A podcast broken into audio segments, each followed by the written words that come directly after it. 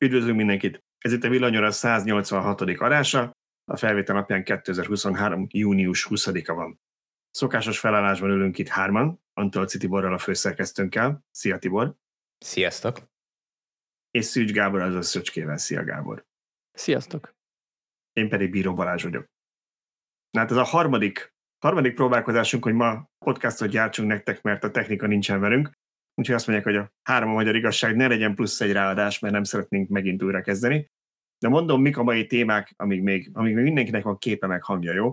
Szóval Ionic 5N, egy új Ionic verzióról fogunk kicsit beszélgetni, aztán bankkártyás superchargerekről, meg egy esetlegesen épülő magyar superchargerről, amiről vannak képeink, szigorodó európai töréstesztekről, Volkswagen eladásokról, arról, hogy Szöcske miért merül le akkor is, amikor nem megy az autójával, és szerintem egy kicsit beszélgetünk a csapatnak a prágai útjáról. Aztán meglátjuk, hogy ha nagyon marad ide, akkor esetleg még másról is. Úgyhogy ennyi mindennek készültünk mára, és mielőtt belegcsapok, mert hogy most még működik a rövid távú memóriám, mindenkit szeretném megkérni, aki YouTube-on néz minket, hogy lájkolja, iratkozzon fel, harangot kapcsolja be, kommenteljen, és persze minden más applikációban, ha hallgatjátok ezt az adást, légy szíves értékeljétek és lájkoljátok, hogy minél több emberhez eljusson. Köszönjük szépen! No, első témánk, Ionic 5N. Szöcskén, azért adnám át neked, mert te írtad erről a, a cikket, és szerintem jóval többet tudsz az autóról, mint mi tudunk. Mi, miért különleges az Ionic verzió, mit kell róla tudni?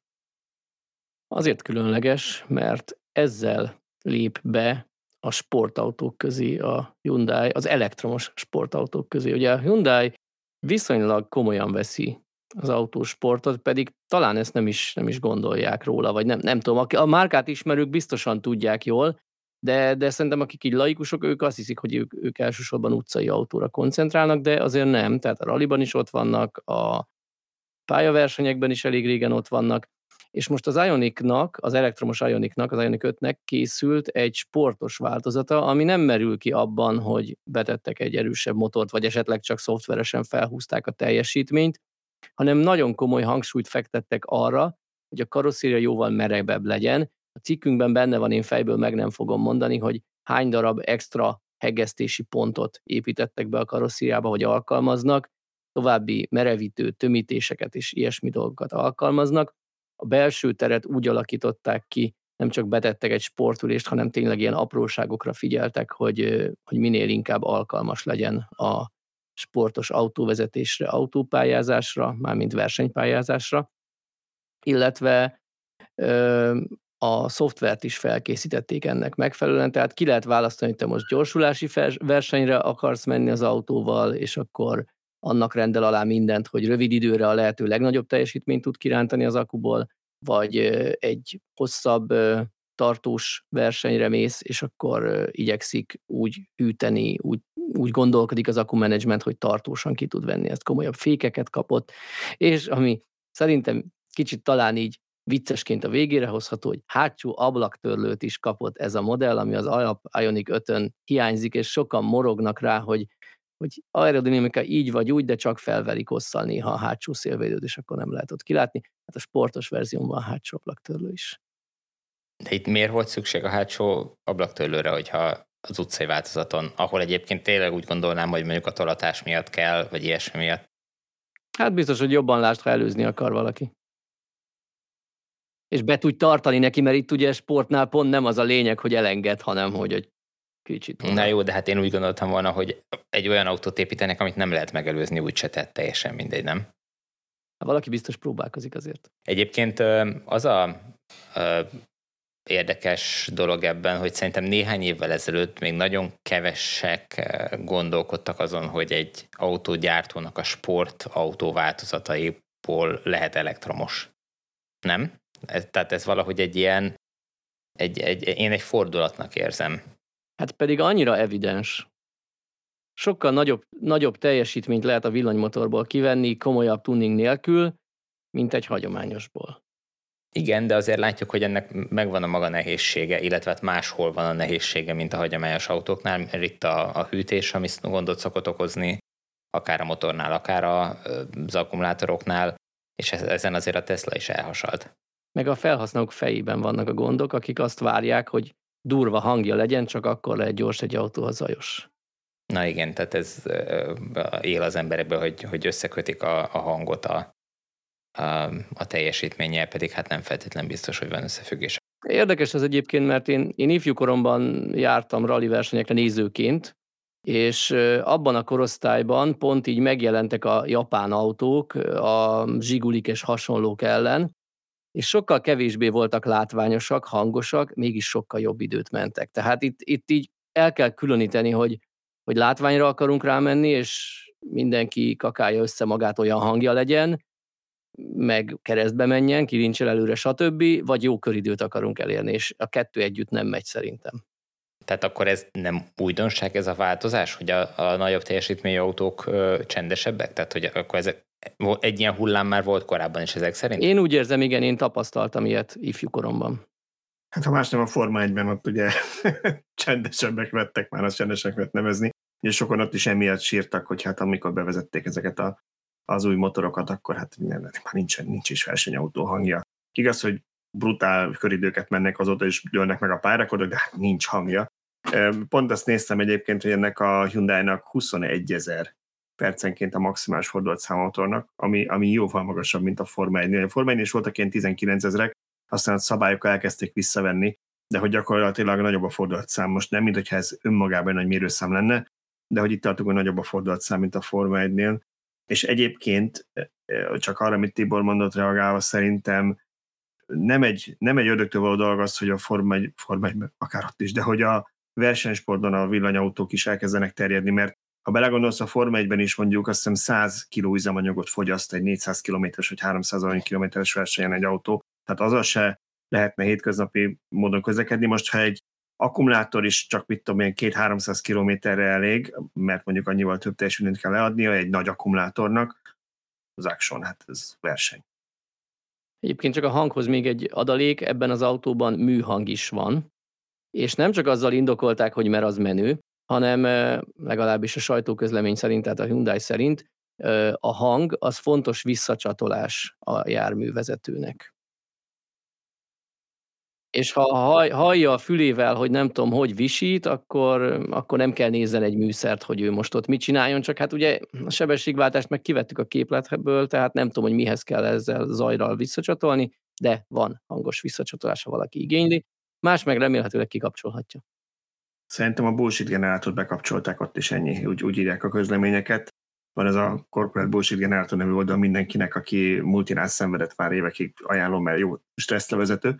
Szóval én a, napokban teszteltem egy, egy másik nagy drága villanyautót, ahhoz szintén sajnos az egész tesztút alatt ketten nem jutottunk oda, hogy rájöjjünk, hogy hol lehet kikapcsolni a mű motorhangot, de elképesztő idegesítő volt, hogy minden is alkalom, amikor ráléptél a gázpedára, akkor egy ilyen, egy ilyen, nem is tudom, egy ilyen dübörgő motorhangot szimuláltak a hangszorokból, ami egyszerűen csak idegesített. Nem, nyilván ne, nem is hangzott úgy, mint egy normál autónak, mert nem. Tehát akármilyen hangrendszerben ez nem, nem hangzik így.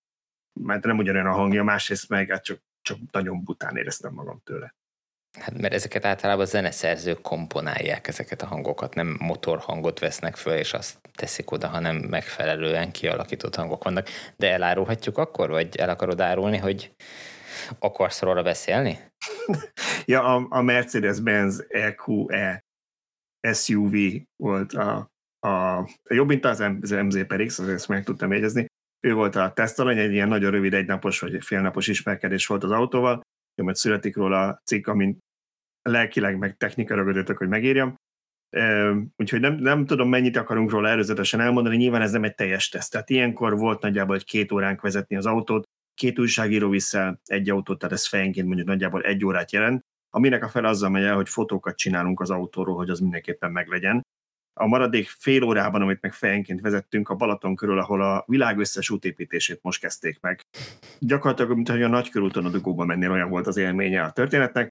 Egy-egy alkalommal tudtunk egy picit odalépni, de tényleg csak egy picit. Úgyhogy nagyon nagy, élmény, nagyon nagy vezetési élményről azért nem tudok beszámolni, és ez nem, a, nem az autó hibája volt, hanem a körülményeké, de a táj nagyon szép.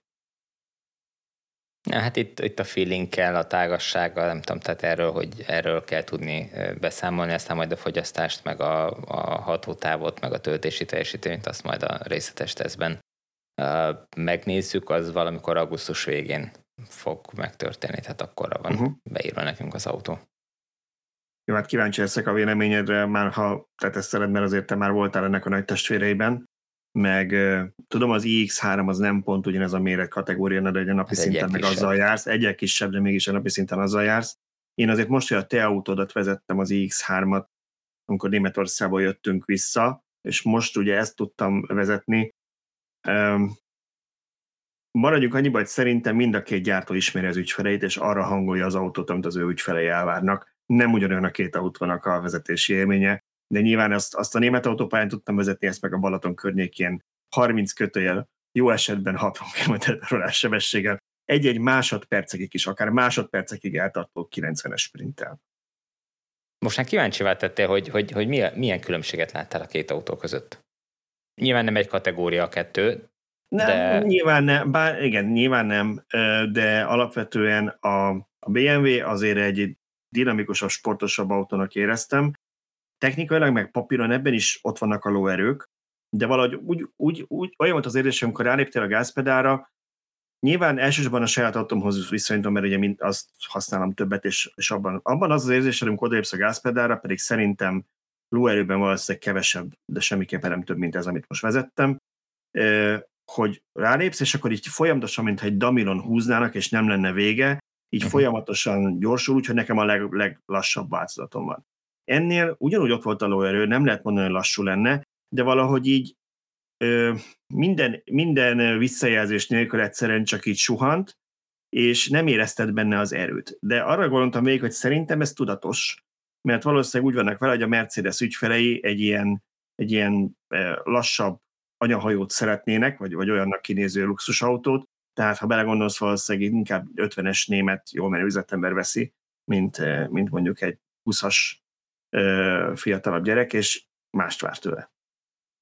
Nem tudom, hogy ez a valóság, az viszont szinte biztos, hogy ezek az autógyártók nagyon-nagyon jól maszkolják a sebességet, meg a teljesítményt azzal, hogy mindent kisimít a futómű, minden zajt kizár a, a, a környezetből a, a karosszéria, tehát hogy, hogy nagyon be tudnak csapni, a, a, ha az ér, megfelelő érzékszerveinktől nem jönnek azok a visszajelzések a, a sebességgel kapcsolatban. Nem vezettem az autót, tehát nyilván nem tudom, de, de azt tudom, hogy az, az EQL-vel, meg az EQS-sel azért ilyen gond nem volt. Tehát...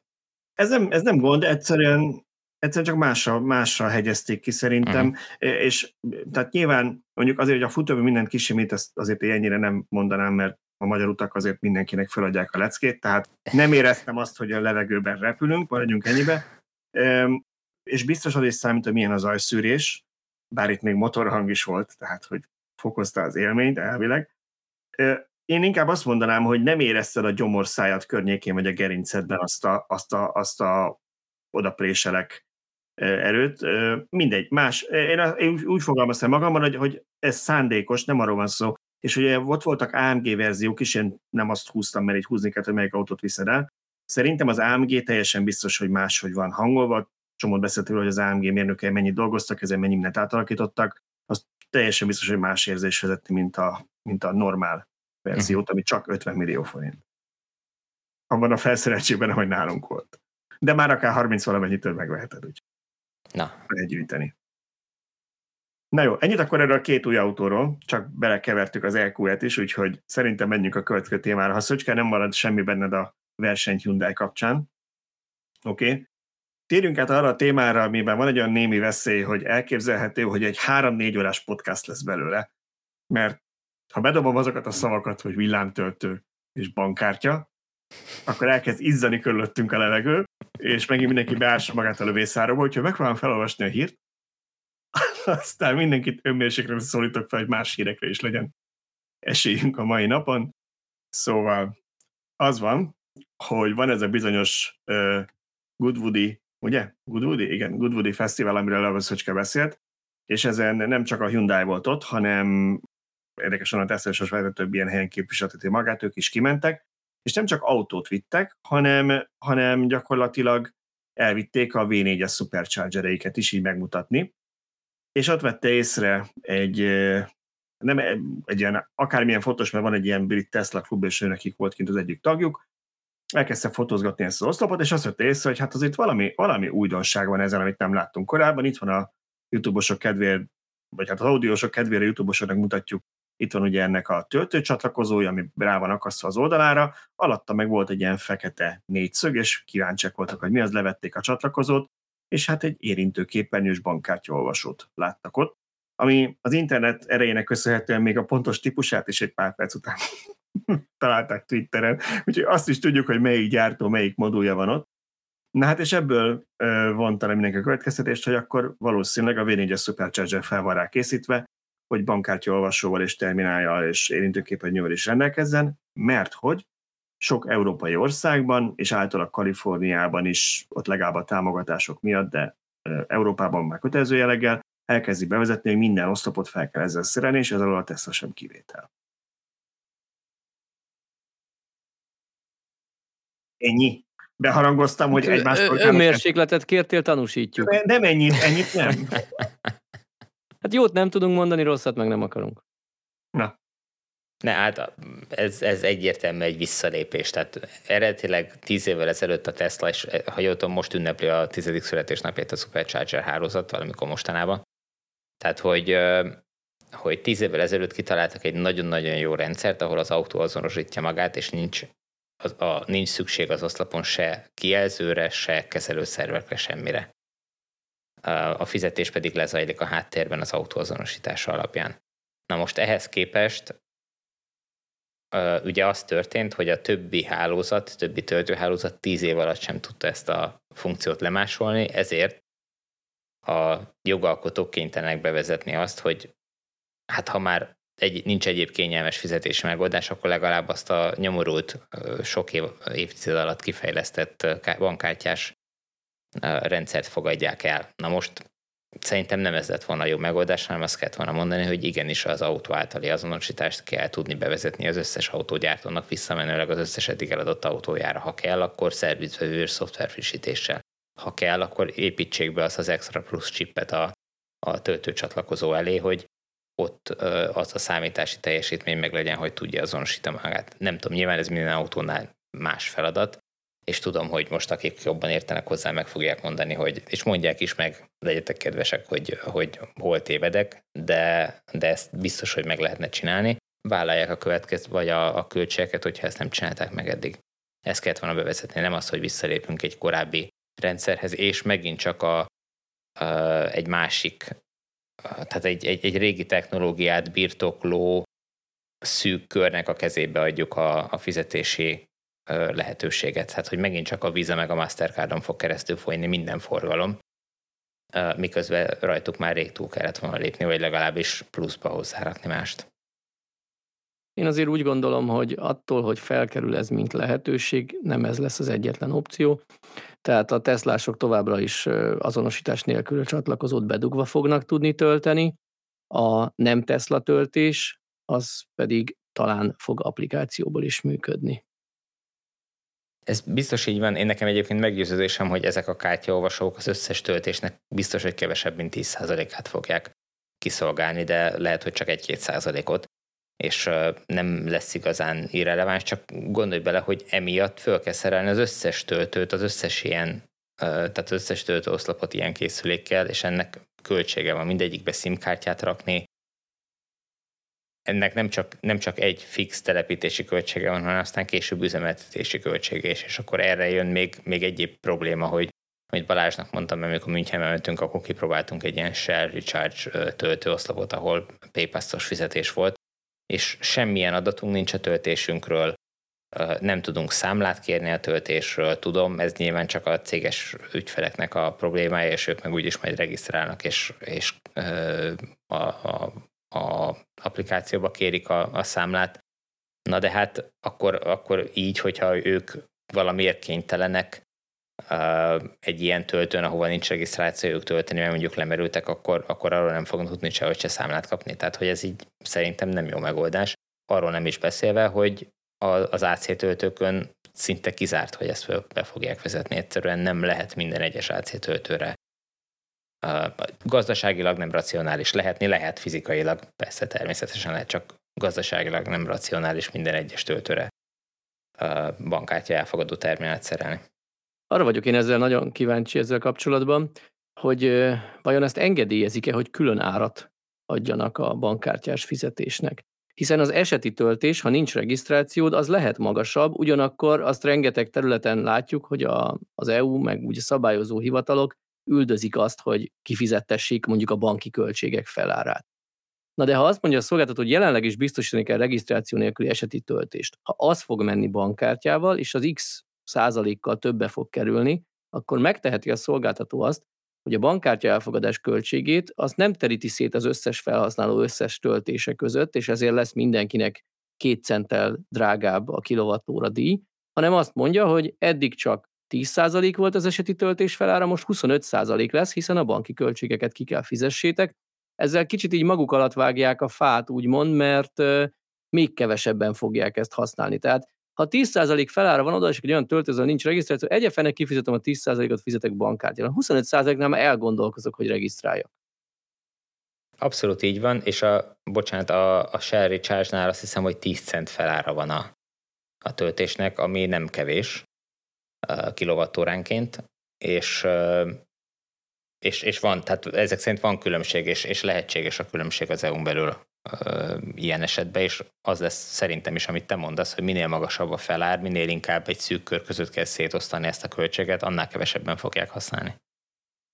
Szóval továbbra is adőtünk vissza, hogy sokat, sokat gyára hallgatom még ugyanazokat az érveket, hogy miért drágább szerintetek a, a, a bankkártyás fizetés. Azt felejtetek el, hogy amikor applikációval, vagy RFID tokennel, vagy nem tudom milyen más megoldásokkal fizettek, akkor is bankkártyával fizettek ugyanaz a bankkártya költség megvan. Amit el lehet kerülni, az a oszloponkénti terminál költsége, ami mondjuk 100-200 ezer forint egy több milliós beruházásnál mennyibe egy ilyen töltőnek a telepítése kerül. Az, hogy kell-e bele SIM-kártya, az attól függ, hogy van-e adatkapcsolat mondjuk azon a kábelen, ami, amely a legtöbb töltőre azért nem csak ki van rakva, és aztán valami történik, hanem van egy adatkapcsolat már eleve a központtal, amelyik felügyeli. Nem tudom, hogy az AC-nél is mindig megvan, de szerintem DC-nél azért ez általános, legalábbis én ezt hallottam korábban, hogy nem csak nem tudnak róla a szolgáltató, tehát valami alatt kapcsolatnak kell lenni. Akárhogy is, ö, nyilván, nyilván az EU azért akarja ezt bevezetni, és nem csak az EU, mert még Norvégiában is, mert, sőt, Norvégiában július 1 életbe is lépett Björnnek egy videójában hallottam a héten, mert szeretnék könnyebbé tenni a, a, a vásároknak az életét, és ha már arról beszélünk, hogy most többe kerül, nem kerül többe, hát azért elég sok országban, én talán még Lengyelországban is mondtam nektek, hogy hogy azt tapasztaltam, hogy a buszokon mindenhol nem csak jegyautomata van, hanem bankkártyás jegyautomata. Az összes buszon, összes villamoson, ahol voltam, nem került több a jegy szerintem, mint az ablaknál, de most már azért így nem emlékszem rá konkrétan.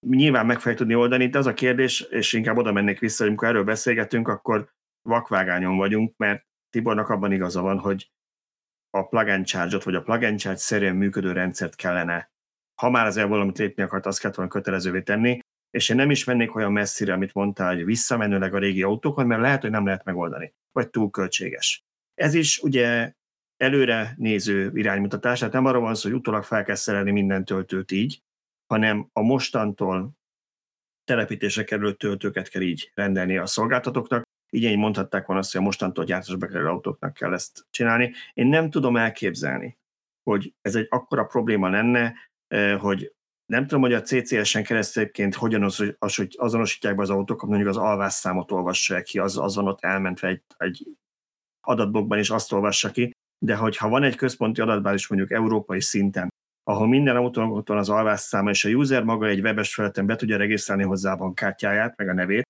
onnantól, ha azt minden szolgáltató tudja kérdezni, akkor én nem, nem tudom elképzelni, hogy ez akkora probléma. Jelenleg a szolgáltatókra van bizony, hogy egymással boltoljanak le valami roaming megállapodást, ki mennyire akarja lehúzni a másikat, tudja, az én töltőim a német autópályák mellett vannak, akkor ilyen feltételeket támasztok, mert akkor úgyis mindenki velem szerződni akar. Ha ez nem rájuk lenne bízva, lenne egy központi EU-s adatbázis, amit kötelező minden gyártónak feltölteni, amikor az autót eladja, a user meg maga regisztrálhat, akkor ez meg lenne oldva, szerintem. Hát egyenlé azonosítója van, de, de én, ha jól tudom, akkor nem az alvásszámot használják, hanem ez egy ennél sokkal Valami azonosítóval, igen. kapcsolat, de de hát valamilyen kell, arra viszont nagyon vigyázni kell, és nyilván ez hátráltatja az egészet. Vagy legalábbis remélem, hogy ez hátráltatja az egészet, hogy ne alakulhasson ki egy monopólium se. Tehát, hogy ne, ne adjuk valakinek úgy a kezébe, hogy utána ő azzal visszaélhessen azon keresztül, hogy olyan árakat szab utána, amiért nem szégyen az egész szolgáltatásra. Na jó, viszont ha már superchargerekről beszéltünk, van még egy superchargeres hírünk, ami, hát el, maradjunk annyiban, hogy spekuláció. Tibor ilyenkor mindig óvatosságra int minket, de én akkor is elfogom, hogy szerintem az Osánnál az épül, és megmondom miért. Ugyanis arról van szó, hogy az egyik eh, kedves hallgatónk, eh, olvasónk küldött nekünk képeket, mindjárt egy pillanat, és eh, képernyőn is varázsolom azok kedvére, akik nem audióval hallgatnak minket, ami gyönyörű festély fotók lesznek, és erről nem a küldötet, hanem arról, hogy az Aquincumi osán mögött azért nem egy festői táj van, és ez, ezután is köszönjük Rékási Gábornak a felvételeket. Szóval lefotózta nekünk, hogy valami készül az Aquincumi, az Óbudai osán mögött, igen, mintha elektromos vezetékeket fektetnének le így a parkolóhoz, ahol meg így gyanúsan úgy állnak a kupacok, ahogy a töltők előkészítésénél szoktak állni a kupacok. És hogy miért gondolunk arra, hogy itt egy supercharger épülhet, az azért, gondolunk rá, mert tavaly augusztusban volt egy hírünk arról, hogy a Tesla felrakott pár jelölőt a térképére, hogy hol akar ő supercharger-t építeni Magyarországon. Ezek még a szavazásos történet előtt, tehát ezt még saját maguk kódfőből találták ki, és hogy, hogy nem, az Aquincumi Osánhoz tettek egy ilyen jelölőt, amiért ugye nem lepődünk meg, mert a két cég elég sok helyen dolgozik közösen a töltőkön, vagy hát elég sok Osánnál van Tesla töltő, úgyhogy ezért tűnik valószínűnek, hogy itt, itt bizony supercharger épül. Hát nem tudom, többször láttunk már azért olyat, hogy a markert tök máshol rakták, mint ahol van, de ebben teljesen igazad van, hogy ugye a két cég több helyen dolgozott már együtt, és, és egyébként nekem a, a Teslásokkal folytatott korábbi beszélgetésem alapján ez beleillik a képbe hogy ők itt akarhatnak majd egy, egy töltőt, úgyhogy simán elképzelhető, hogy az lesz, de tényszerűen még tényleg nem tudjuk.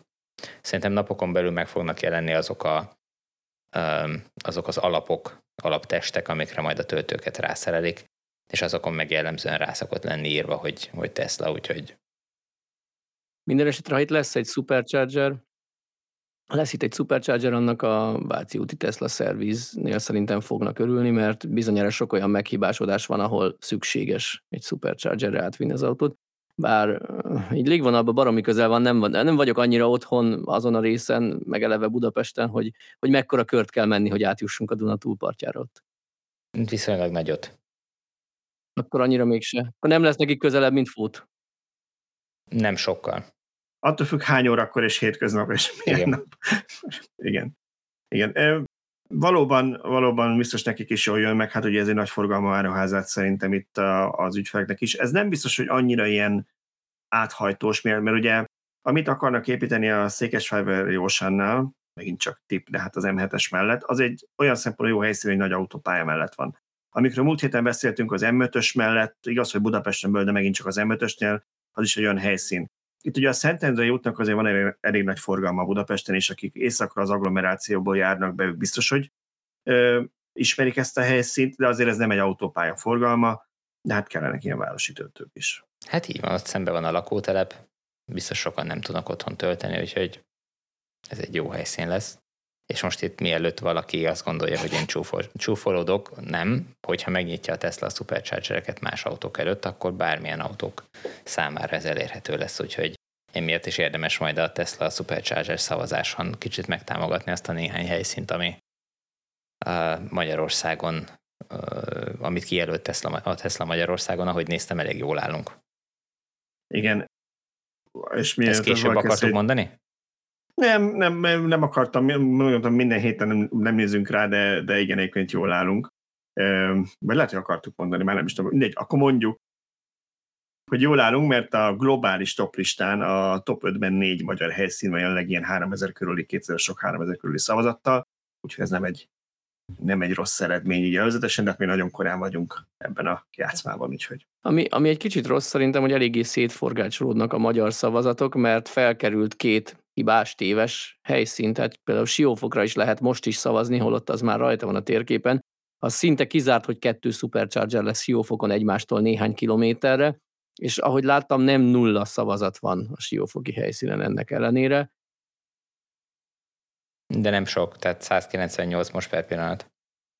Igen, talán szombathelyen is van még egy jelölő, ha jól emlékszem, ami megint föl, és múltkor még fönt volt, múlt héten most mm. nem néztem. Na jó, de hát akkor két, 200 ember lehet, hogy 200 szavazaton múlik majd, hogy nem jut be, nem tudom én, füzesabony a top 5-be, mert valaki siófokra szavazott helyette. Úgyhogy figyeljetek oda, hogy olyan helyszínen nem érdemes szavazni, ami már rajta van a térképen. Meg olyat javasolni sem érdemes, mert ezek valószínűleg azért kerültek fel, mert javasolták. Azt más kérdés, hogy ezt az ezeket kiszűrhetné, hogyha nem tudom én, 20 kilométeren belül javasol van egy-egy megnyert helyszínhez képest, akkor ezt nem rakjuk fel újra. De hát az a baj, hogy szerintem ők, nekik annyira nincs helyismeretük, hogy tehát aki ezeket a szavazásokat előkészíti, nincs akkora helyismerete, hogy ő tudná, hogy mondjuk ezen a helyszínen van-e akkora forgalom, hogy indokolt legyen két töltő, hát ők földobják szavazásra, aztán kész.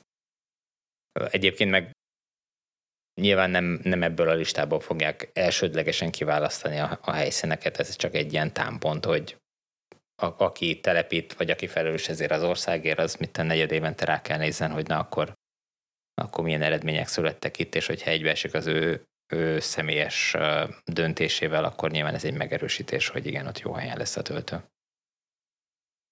Na hát akkor ennyi meg ennyi Supercharger történet után térjünk át az európai töréstesztekre, amit azért tartottam most éneke, énekes, éneke, énekes témának, igen. Jó, még egy kávét kellett volna innom. Érdekes témának azért tartottam, mert hogy most volt két új töréstesztje az Euro NCAP-nek, történetesen két NIO-t törtek össze, egy és egy EL7-et, nem meglepő, mind a két autó nagyon jól vizsgázott, de ennél talán egy picit érdekesebb volt, vagy messzebb menő volt az, hogy hogy mit tudtunk meg a töréshez, ugyanis most ezzel új törésteszt szabvány lépett életbe, és szigorítottak pár feltételem, ami én én azért örülök, mert így is már kicsit azért sem, hogy túl sok az öt csillagos törésteszt, és eddig nem mond sokat a egyszerű ö, autóvásárlónak, vagy érdeklődőnek, mert azt látja csak, hogy minden autó öt csillagos, hát akkor nincs is különbség, pedig azért nyilván van. De az új követelmények, amiket kitaláltak, az például arra is szól, hogy észre kell venni az autónak, hogy a benfelejtettek egy gyereket vagy állatot. Tehát gyanítom, hogy valami súly automatikával éreznie kell. Most azért ez nem ennyire egyszerű, mert csomag is lehet hátul, és azért nem hiszem minden autóban van belső kamera meg radar, úgyhogy nem tudom, hogy milyen technikával oldják meg ezt a gyártók, de valahogy észre kell vennie, ha maximális pontszámot akar nyilván, hogy mondjuk bentül hátul egy gyerek, vagy akár elő, és ha mondjuk a mobilon keresztül értesítenie kell a szülőt. Aztán szintén a, a fokozott védelem kapcsán árvíz vagy elmerülés esetén, és most nem arra kell gondolni, hogy ne csapja meg az áram a villanyautóst, mert nem csapja meg az áram a villanyautóst, szigorítottak, és azt mondják, hogy előírták, hogy mennyi ideig működésképesnek kell maradnia az ajtóknak, ablakoknak, mert hogy azt látják, hogy egyre több jobban terjednek az elektronikus zárak, meg az elektromos ablakok az autókban, és hogy mennyi ideig ellenállniuk kell a víznek, vagy nyilván lenni kell alternatív megoldásnak, hogyha ha esetleg már ezek nem működnek a, a betörő víz miatt. És szigorítottak azon is, hogy a motorosokra mennyire kell tudni odafigyelni ezeknek a rendszereknek, hogyha egy motoros a keresztezésben átfordul előttünk, akkor azt jobban észre kell venni az automatikus vészféknek, ami nem egy egyszerű történet, mert nyilván egy sokkal kisebb felület, mint, mint egy, mint egy autó, ugyanakkor jóval nagyobb sebességgel tud haladni közelni felénk, mint egy biciklis, tehát nem annyira triviális, mint gondolnánk.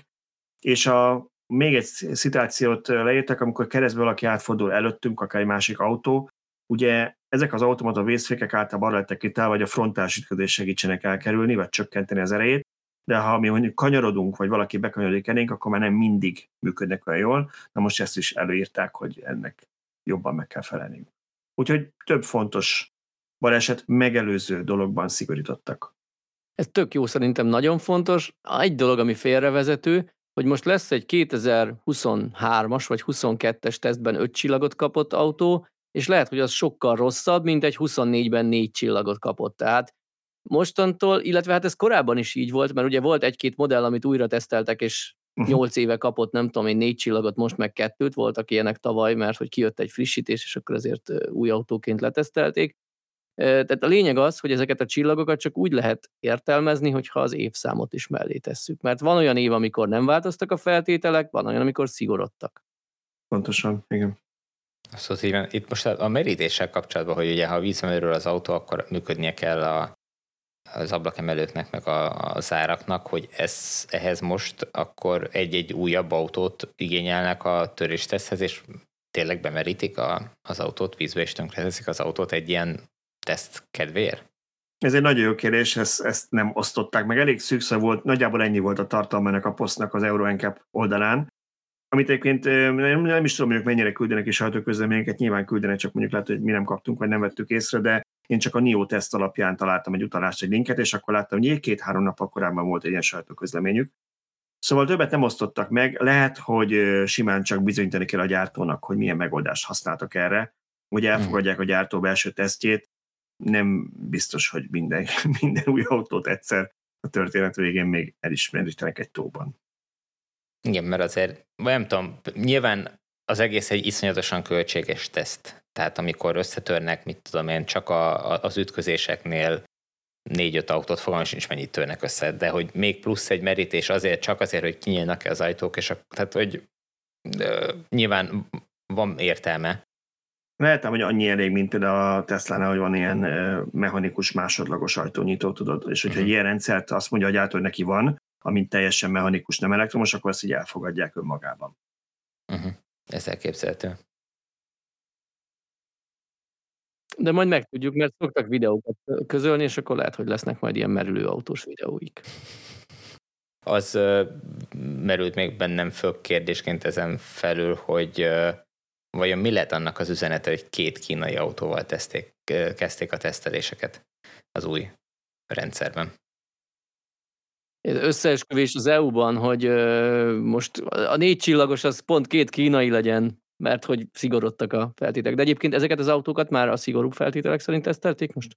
Igen, azt nem tudom, hogy pontosabban ez a, a részletes eredményekre már nem emlékszem, azt nem tudom, hogy elverítették-e őket, de azt tudom, hogy, hogy már a, az ütközés rendszer tesztjében ezeket érvényesítették. Ez a, ez a két NIO volt az első két autó, amit így teszteltek le, szerintem egyszer így dobta ki a gép. Egyébként a kettő öt csillagos lett, tehát ilyen szempontból nem volt probléma.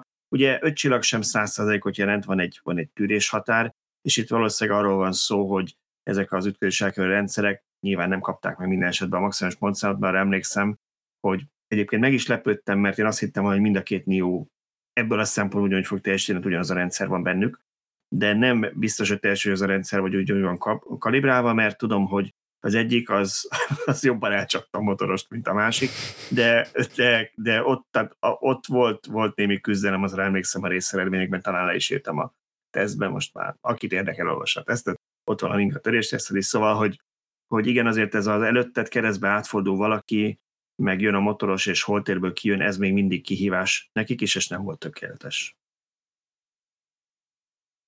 Oké, okay. na hát akkor ami szintén nem tökéletes, ami átkötés a Volkswagen eladási számaira, de jó, ez a Volkswagen idei eladási adata, és ha már megemlékeztünk a német prémiumokról, meg a Tesláról, meg beszéltünk szerintem a BYD-ről is, akkor egy picit azért beszéljünk róluk, mert hát mégiscsak a legnagyobb európai autógyártóról van szó, úgyhogy nem mindegy, hogy hogyan teljesítenek, és főleg az elektromos eladásokban, és azért a Volkswagen azon kevés autógyártó közé tartozik, amelyik viszonylag részletesen megosztja, hogy mennyi elektromos autót adtak el, és nem az Electrified varázszó mögött egybe boronálja őket a, a hibridekkel, meg a plugin hibridekkel. Szóval alapvetően jók lettek a Volkswagen globális eladási adatai, majdnem 13%-kal több autót adtak el, és ezen belül 48%-kal nőtt az elektromos autóknak, tisztán elektromosoknak az aránya, ez 321.600 autó lett, és a teljes volumenükben ez 7,4%-ot képviselt, amire én egy picit ö, némi iróniával megjegyeztem, azért láttunk jobbat a BMW-nél, a mercedes ott már bőven 10-12% fölött vannak, főleg, hogy a Volkswagen mekkora lenne a csapat bele az elektrifikációba, én ettől gyorsabb növekedést vártam nála. Na jó, de más kategóriában is versenyeznek, tehát a prémium szegmensbe azért jobban belefér az árakba egy bőszme nagy akku, amitől nem félnek a hatótávparások se megvenni. Ez ebben nagyon sok igazság van, de azért ugye a Volkswagen csoportnak is ott van az Audi, mint prémium márka, és azért a volkswagen magukban sem annyira olcsók, szóval, de, de ebben technikailag igazad van, tehát valóban egy BMW-nél, Mercinél jobban elfér az árban az, hogy ez egy elektromos autó.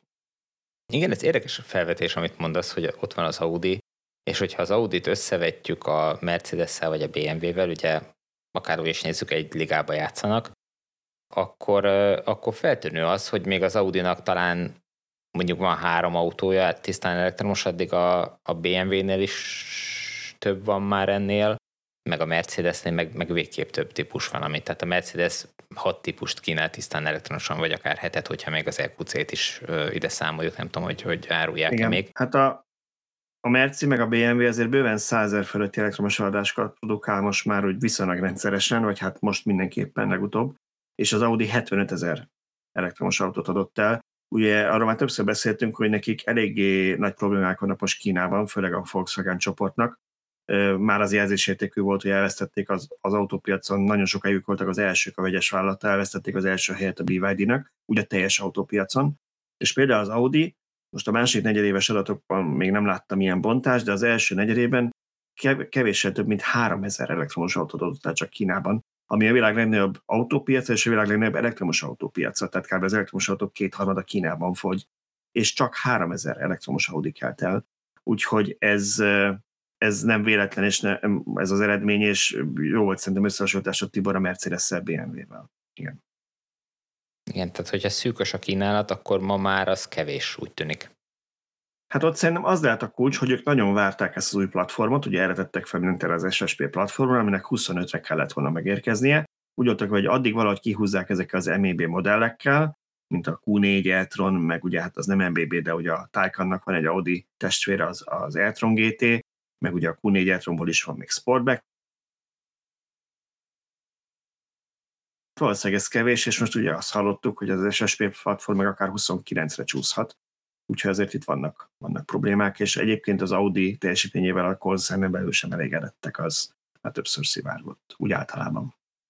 Egyébként a másik, amit azért figyelembe kell venni, amikor ezt a 7,5 vagy hány százalékos arányt figyeljük, uh-huh. az az, hogy ugye azért a Volkswagennek jóval nagyobb a, a volumene, a gyártási volumene, mint némelyik márkának, amivel össze akarod hasonlítani, tehát nekik ahhoz, hogy egy 10-15-20 százalékos arányt elérjenek, sokkal-sokkal több autót kellene gyártaniuk, és hát nyilván ez a, ez a felskálázás, ez, ez megy, de, de nyilván nem tud annyira gyorsan menni, mint ahogy a méretükből adódóan kellene.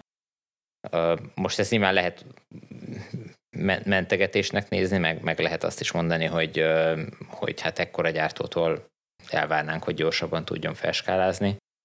Ha nem kezdték volna el ennyire időben, akkor még itt se tartanának, úgyhogy szerintem ezt valahogy így, így, vegyesen kell nézni.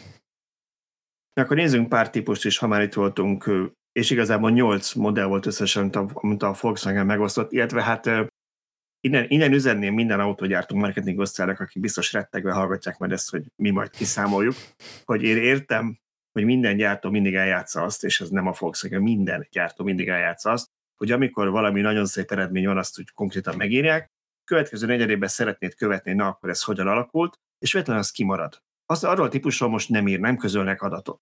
Olyankor higgyék el, hogy nálam azonnal beindul a vezérhangja, hogy akkor itt valamit szeretnének, ha nem látnánk, és elkezdek számolgatni.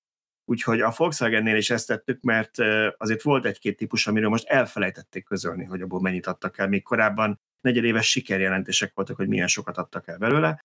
Úgyhogy úgy alakult a sorrend, hogy az ID4, ID5, amit ők gyakorlatilag együtt kezelnek egy családnak, most már 100 fölött van, 52 százalékkal többet adtak el belőle, az tényleg egy szép eredmény, és 100 fölött van az eladása globálisan.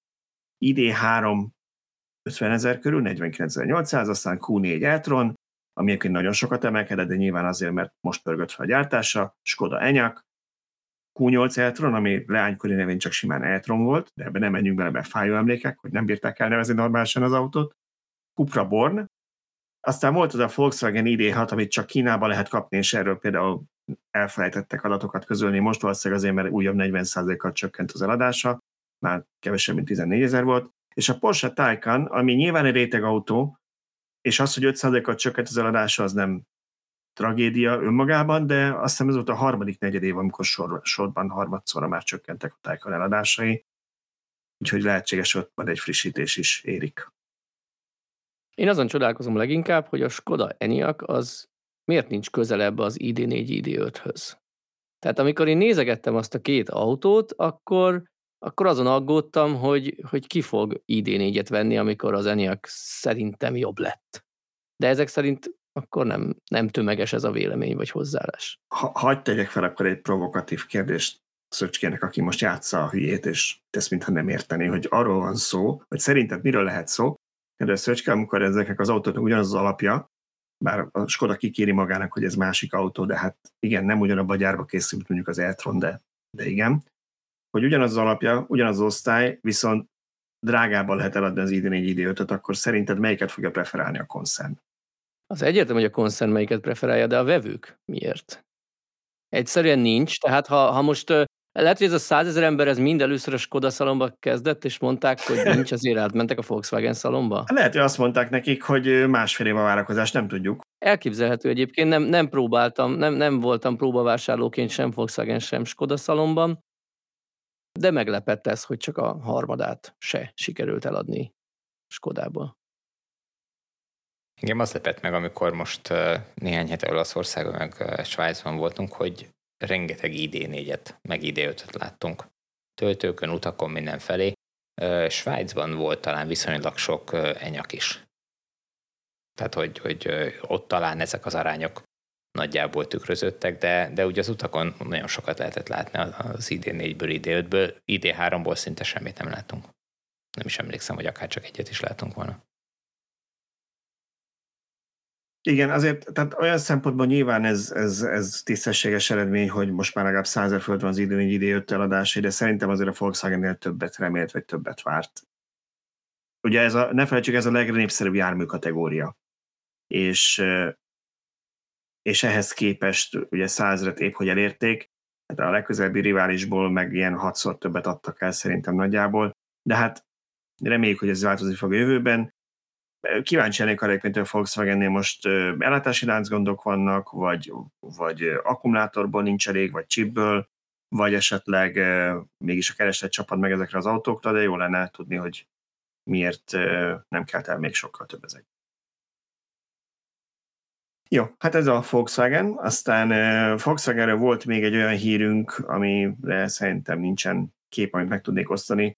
Ez igazából csak arról szólt az általános európai autópiaci trendekről, hogy azért most elég sok gyártó jó eredményeket jelentett, de hogy továbbra is áll az a figyelmeztetés a szakértőktől, hogy ez egy ilyen vihar előtti csend, és a harmadik, negyedik, negyedévre kifogyhatnak a megrendelések. Most a héten újabb cikkek jelentek meg ez ügyben a német sajtóban, már több ilyen neves lap írt erről, tehát azért uh, itt már azért, hogy mondjam, kevéssé él az a, az a hír, hogy ez, vagy az a válasz erre, hogy hát ezek csak ilyen plegykák, mert azért amikor a Handelsblatt is, meg a, meg a többi nagy német lap különböző forrásokból, a Manager magazin is hasonlókat tud meg, akkor az valószínűleg alapja van, és arról szólt itt a sajtóír, ezt mondjuk főleg itt a, a Volkswagen koncern kapcsán, de nyilván más cégek is érintettek, nem tudjuk mennyire, hogy korábban az idésorozat, hogy 12 hónapos szállítási határidők voltak, most pedig már van, hogy úgy érkeznek autók a kereskedésekbe, hogy igazából még vevőjük sincs. Általában a Cupra Bornból hatalmas készletekkel rendelkeznek, ahogy azt írták, hogy a Taycan irán csappan a kereslet igencsak, és hogy az idén 4-re 75 ezer megrendelés érkezett tavaly, idén pedig 20 ezer alatt járnak. Úgyhogy igen érdekes, hogy ez merre fog kifutni. Ez, ez nem biztató.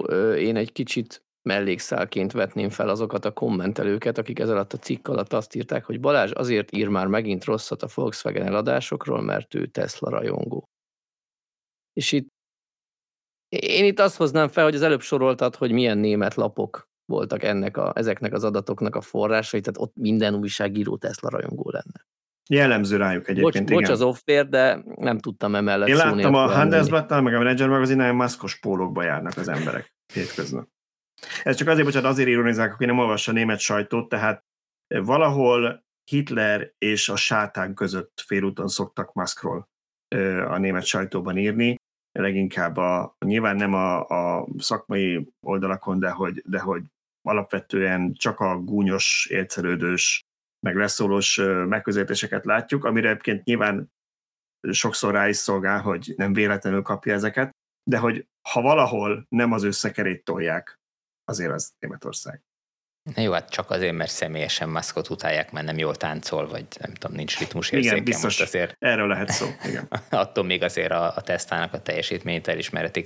Az a helyzet, hogy a, a, az idei problémákról már tavaly decemberben is beszélgettem az autóiparban tevékenykedő vezetőkkel tavaly év végén, és már akkor, lát, akkor látták, mondták, hogy nagyon nehéz lesz az idei év. Tehát, hogy mondták, hogy az első fél év még oké, okay, akkor átadják a tavaly megrendelt, meg tavaly előtt megrendelt autókat, tehát azzal nem lesz gond, de hogy, hogy utána mi lesz, azt még nem látják, mert biztosak voltak már akkor benne, hogy jelentős visszaesés lesz a piacon.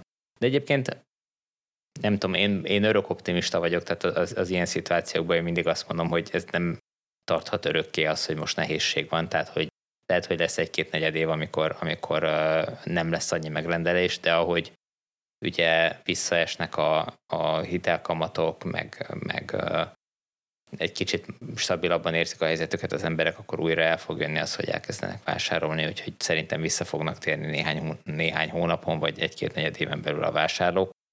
Nyilván most ez, ez nehéz lesz. Hát meg tök logikus, hogy öregszenek az autók, gyűlik benne a kilométer. Egy fél évvel, évvel el lehet odázni egy flottában az autók cseréjét, de három-öt évvel nem.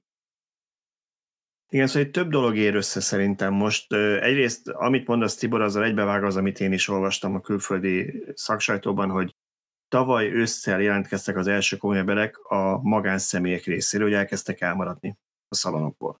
De ugye azért a flott eladások, ha nem is olyan mértékben Magyarországon, de minden országban azért a eladások zömét szokták kitenni, vagy hát legalábbis fontosak és idén kezdődött el az így az év első felében, vagy negyedévekben, hogy mondjuk első negyedév végén, hogy elkezdtek a flotta eladások is elmaradni. És ennek egy része biztos, hogy a emelkedő hitelkamatok miatt van, vagy meg a, mi ugyan a leasingre is nyilván kihatással van.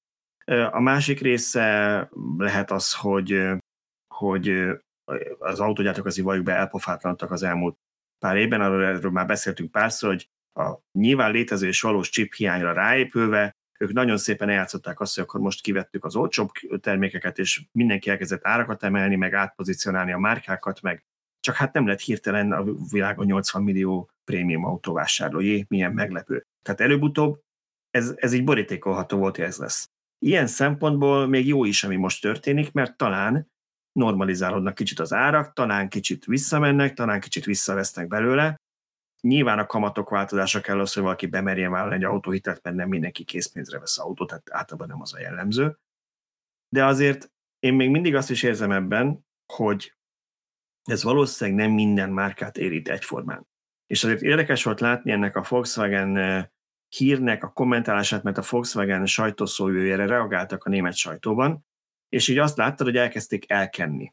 Hogy igen, de ez a nehézség most mindenkit érint, és elkezdték felsorolni a Renault, a Teslát, a felsoroltak pár márkát, ami lehet, hogy érint másokat is, és biztos, hogy mindenki megérzi, a Tesla is nem vetlenül csökkentett árakat, de hát azért, azért nem azt láttuk, hogy nem rekord negyed évet zárt volna.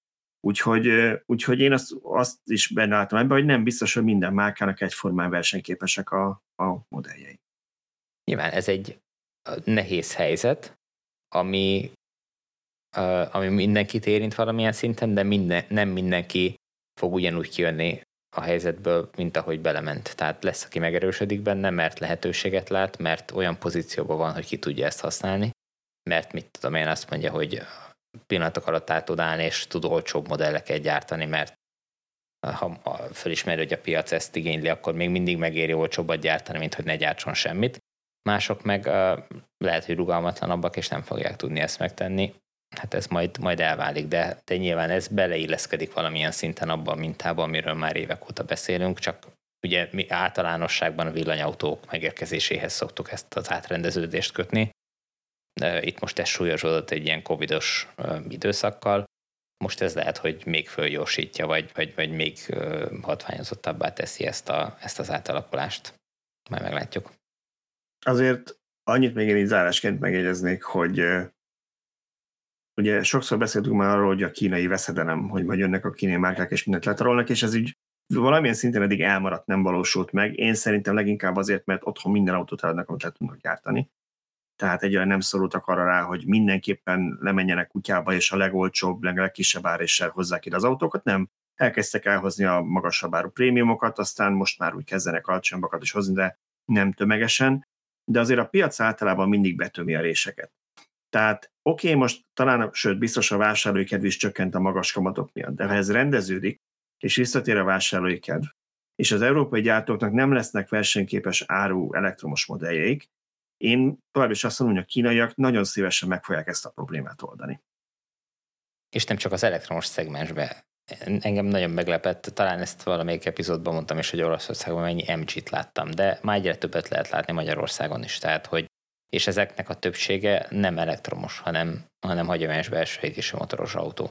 Miközben azt szajkoztuk az elmúlt, nem tudom, 10-15 évben, hogy a kínaiak nem tudnak hagyományos autót gyártani, és az elektromos hajtás megjelenése vagy elterjedése hozza meg nekik a nagy lehetőséget. Ehhez képest pont a, a hagyományos autóknál kezdik nagyobb lendülettel kiszorítani a, a hagyományos gyártókat egyes piacokról. Nyilván most itt nem arról van szó, hogy hogy teljesen elveszik a piacokat, de egyre nagyobb és egyre láthatóbb a jelenlétük. Ugye a közelmúltban több európai autógyártó azt mondta, hogy ilyen feltételekkel, amit az EU szab, nem lehet kis, olcsó kis autót gyártani, és akkor nehogy a kínaiak megmutassák, hogy de igenis lehet. Azért én abban továbbra sem hiszek, hogy ez a belső és a motoros autóknál nagyon nagy mértékben meg fog jelni. Biztos van ebből, amit mondasz Tibor, hogy MG például többet láttál, de ha belegondolsz egy olyan márkának, ami mondjuk eddig nem volt Európában, az MG-nek azért legalább szervizházata van. Megéri-e behozni a új belségesi motoros modelleket egy új piacra, úgyhogy akkor azokat szervizbe meg alkatrészben még 10-20 évig támogatnia kell, miközben tudja, hogy ez már egy nagyon kifelé futó technológia. Én látok a balújkát, hogy azt mondják, hogy nem ide már csak legfeljebb plug-in hibrideket és teljesen elektromosakat hoznak, és azért a többi márkánál inkább ezt láttuk. Ezt gondolnád, az MG mégis most Magyarországon is kiépített egy szervizhálózatot, meg, meg értékesítési hálózatot, erre nem volt semmiük itt Magyarországon, és, és hagyják el sorra ezeket az autókat, tehát hogy csak megérés. Az a helyzet, hogy ha, ha ez jól sikerül ez a piacra lépés, akkor ebből profitálhatnak, mert azt fogják tudni mondani, hogy amikor már kellő mennyiségű elektromos autót tudnak előállítani, meg hozni ide hozzánk, akkor azt tudják mondani a, a visszatérő vevőnek, akinek már van egy belső égésű motoros MG, amit, amit a jó árral könnyen el tudtak adni, hogy ugye ugyanezt az élményt megkapod elektromosban is nálunk, sokkal olcsóbban, mint a másik autógyártónál. Egyébként, hogy mennyire nem igaz az, hogy az kínaiak csak elektromos autót tudnak gyártani. A héten volt egy másik cikkünk arról, hogy az idei első fél évben 2 millió autót exportált Kína, és én meglepő olvastam, hogy ebből kb. fél millió volt az elektromos, másfél millió pedig belső égésű motoros. Ezeket így Európában nem annyira ismerjük, viszont amikor elkezdtem megnézni, hogy mi a top három márka, és ők hol vannak jelen, Dél-Amerikában és Ázsiában nagyon sok ország fel volt sorolva, ahol ezek komoly márkáknak számítanak a belső égésű motoros autók piacán, úgyhogy ha akarnak, tudnak. Az más kérdés, hogy nem tudom, hogy ugyanannak a mondjuk Euró 6-nak meg kell felelnie, vagy már Euró 7-nek, mint valószínűleg tudom a választ, mint Európában, tehát nem biztos, hogy azokat a modelleket így egy be tudják hozni Európában, mert valószínűleg nem lehetne forgalomba helyezni. Számokat nem csak arról van szó, hogy légzsákot kell belerakni. Számokat nem néztem, de ugye az orosz piacon most valószínűleg rengeteg hagyományos kínai autót eladnak. Kevésbé szigorú környezetvédelmi és biztonsági előírásokkal, mint az EU-ban lehetne. Oroszországból hallottunk arról híreket, talán még is beszéltünk róla, hogy újra engedélyezték az ABS és légzsák és katalizátor nélküli autók gyártását. Visszatérve ezekre az ázsia és dél-amerikai piacokra, ez azért rossz hír a hagyományos autógyárt. Tehát a klasszikus autógyártóknak, hogy ezeken a piacokon erősödnek a kínai autógyártók, mert ugye sokan amiatt mondják, hogy nem fog eltűnni a belső a motor, mert hogy hát ezeken a piacokon úgyse fognak tudni még sokáig elektronos autót megvenni, és majd ott megélnek a, ezek a klasszikus autógyártók, hát úgy néz ki, hogy nem fognak ott se. Igen. Na jó, vidámabb témákra térve, Szöcskének megint gondja van a Model X-szel. Nincs is. Vidám. Bocsánat. Egyrészt nem is mesélj, vidám, mi történt, nincs is gond. Mi történt most, mondjad? Nem, még nem is igazából most történt, még a nyaralásunk után, amiről ugye már beszélgettünk a lakókocsis nyaralás után, csak szerettem volna alaposabban utána menni a részleteknek, mielőtt arról beszámoltam, és akkor itt például Bérci Balázsral is konzultáltam erről, hogy hogy, hogy mint, meg utána olvasgattam, meg logokat túrtam a Tesla Fiből. A lényeg az volt, hogy amikor hazajöttünk a nyaralásból, akkor 10 kilométerrel hazaérés előtt megálltunk Nagyéknál, egy fél órás megállót terveztünk, ami majdnem egy órásra nyúlt, és indultunk volna haza, és azt vettük észre, hogy a 7-es százalékon a utca végén hagyott autó már nullán áll.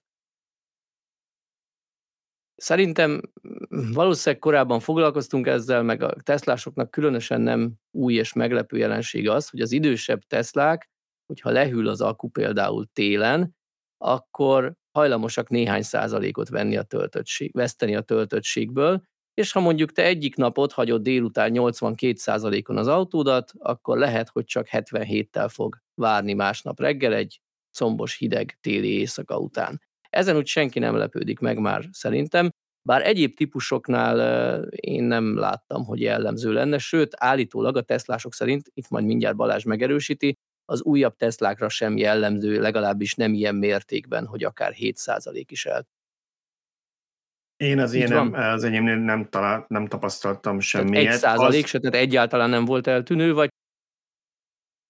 Nem találkoztam semmilyen eltűnő százalékokkal, viszont nekem, amikor erről mi beszélgettünk a szerkesztőségi chatben, az első jelöltem mindjárt a Sentry volt, ami annyiban nem oké, okay, hogy a Sentry mód 20% alatt nem kapcsol be, illetve lekapcsol pont azért, hogy ne tudja túlzottan lemeríteni az autót, de a Sentry mód az hajlamos nagyon meríteni, sokkal jobban, mint gondolnád, ugyanis mozgás alapon érzékel, és, és azt tudom, hogy amikor reptéren hagytam az autót, de volt olyan, hogy itthon be, bekapcsoltam mindegy, félig véletlenül, tök mindegy, és a macskák nagyon szeretnek hesszelni az autó környékén, és szegény non-stop, ugye bekapcsoltam, mozogtak a falevek, minden. Szóval a lényeg az, hogy az képes egy éjszaka alatt mondjuk akár 10 plusz százalékot is meríteni, ha úgy hagyod, de ugye az 20 százalék alatt direkt ezért kikapcsol, hogy ne kerülhessél ilyen helyzet.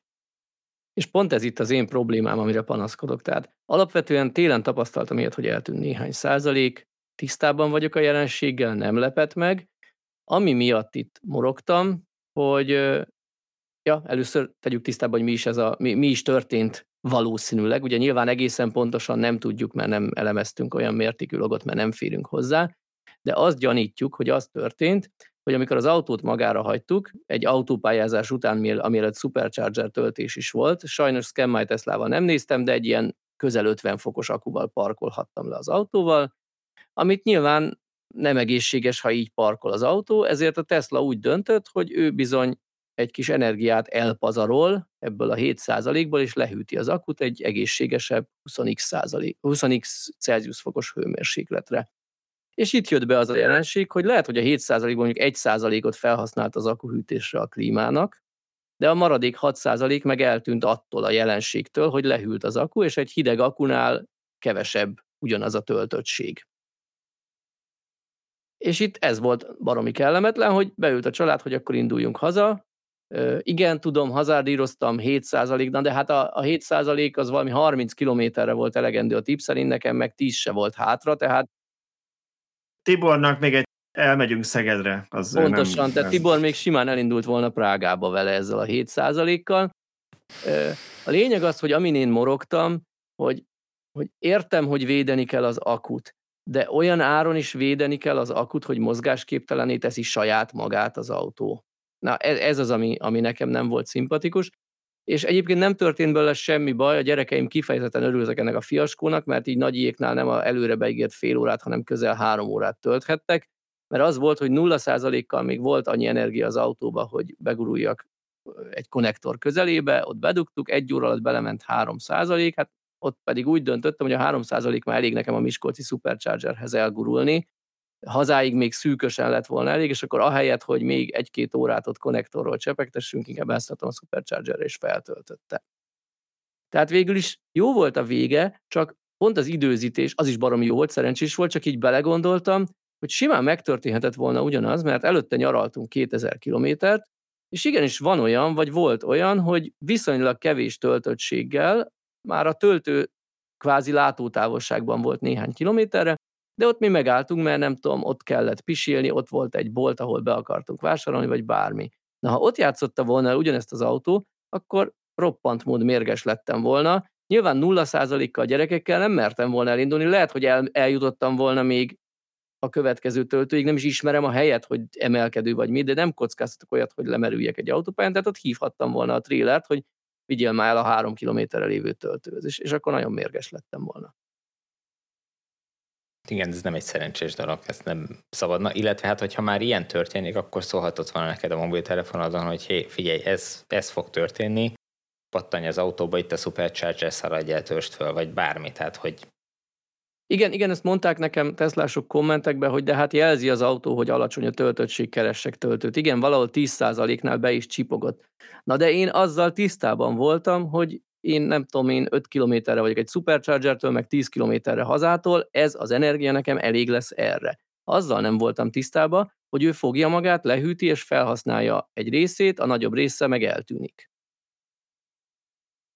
szerintem is, tehát nekem ebben a sztoriban egyébként valami nem kerek, majd mindjárt elmondom, hogy miért, de, de alapvetően az nem lett volna egy normális reakció, hogy ott vagyunk a nagy égtől, nem tudom, 10 percre haza, most akkor én gyorsan elmegyek tölteni, már csak 7% van, miért, miért mennék el, hát az hogy bőven elég, tehát ez, ez, ez teljesen reális szenárió, amit mondasz.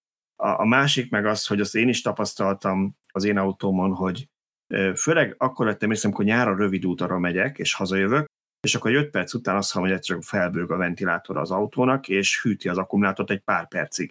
De ilyen érzékelhető százalék csökkentést ebből nem láttam, csak valószínűleg folyamatosan monitoroz az akut, és úgy érzi, hogy ez a rövid idő alatt, mondjuk, hogy megterheltem azzal, hogy tudom én, mentem röviden, vagy nem tudom, nagyobb gázt adtam, és nem volt megfelelő hűtés, mert rövid ideig mentünk, ezért, ezért rá, rákapcsolja egy kicsit, hogy ne álljon hogy ott az akkumulátor magában, hogy meleg, oké. Okay. De ami nekem itt fura, hogy tehát ez a 7 ez brutálisan sok, ha lefordítjuk, hogy ez mennyi kilovattórában. És én arra is gondoltam, aztán nem akarok, bocsánat, a Tesla szerült játszani, majd megmondja az emberet, hogy mi van ezzel, hogy nem lehet, hogy a BMS nem látta csak pontosan, hogy mennyi van az akuban, mégis nem volt 7 mert, mert, mert az LFP akkurnál ugye előfordul az, hogy ott azért mondják, hogy hetente egyszer mindenképpen tölt százra, hogy a BMS megtanulja, pontosan tudja, hogy hol van az alja meg a teteje, mert ott ugye az kémia miatt kicsit nehezebb megbecsülni a töltöttséget. Ugye neked nem LFP akud van, de fontos, hogy a BMS pontosan tudja, mennyi van az akuban, és egy régebbi autónál lehet, hogy ez elcsúszik. Igen, igen, elképzelhető ez is, gondoltam erre is. Ugye pont az adott, az, az előzmények miatt vetném el ezt egy kicsit, mivel egy hosszú útra mentünk, előtte 2000 kilométerben, ott többször volt olyan, hogy én ugye eléggé kimérem az akut, tehát itthoni nyug, nyugis használatban én igyekszem 30-80 között használni.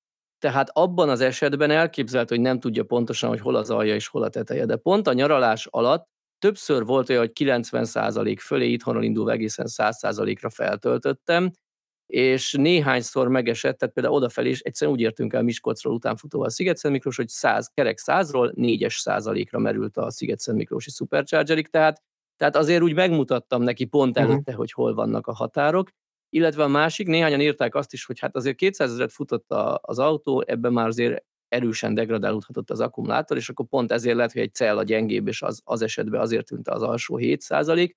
Igen, ez is lehetne egy magyarázat, ha csak alul történne meg, de két hétre körülbelül a sztorira, vagy lehet, hogy nem volt annyi, mindegy, nem ez a lényeg.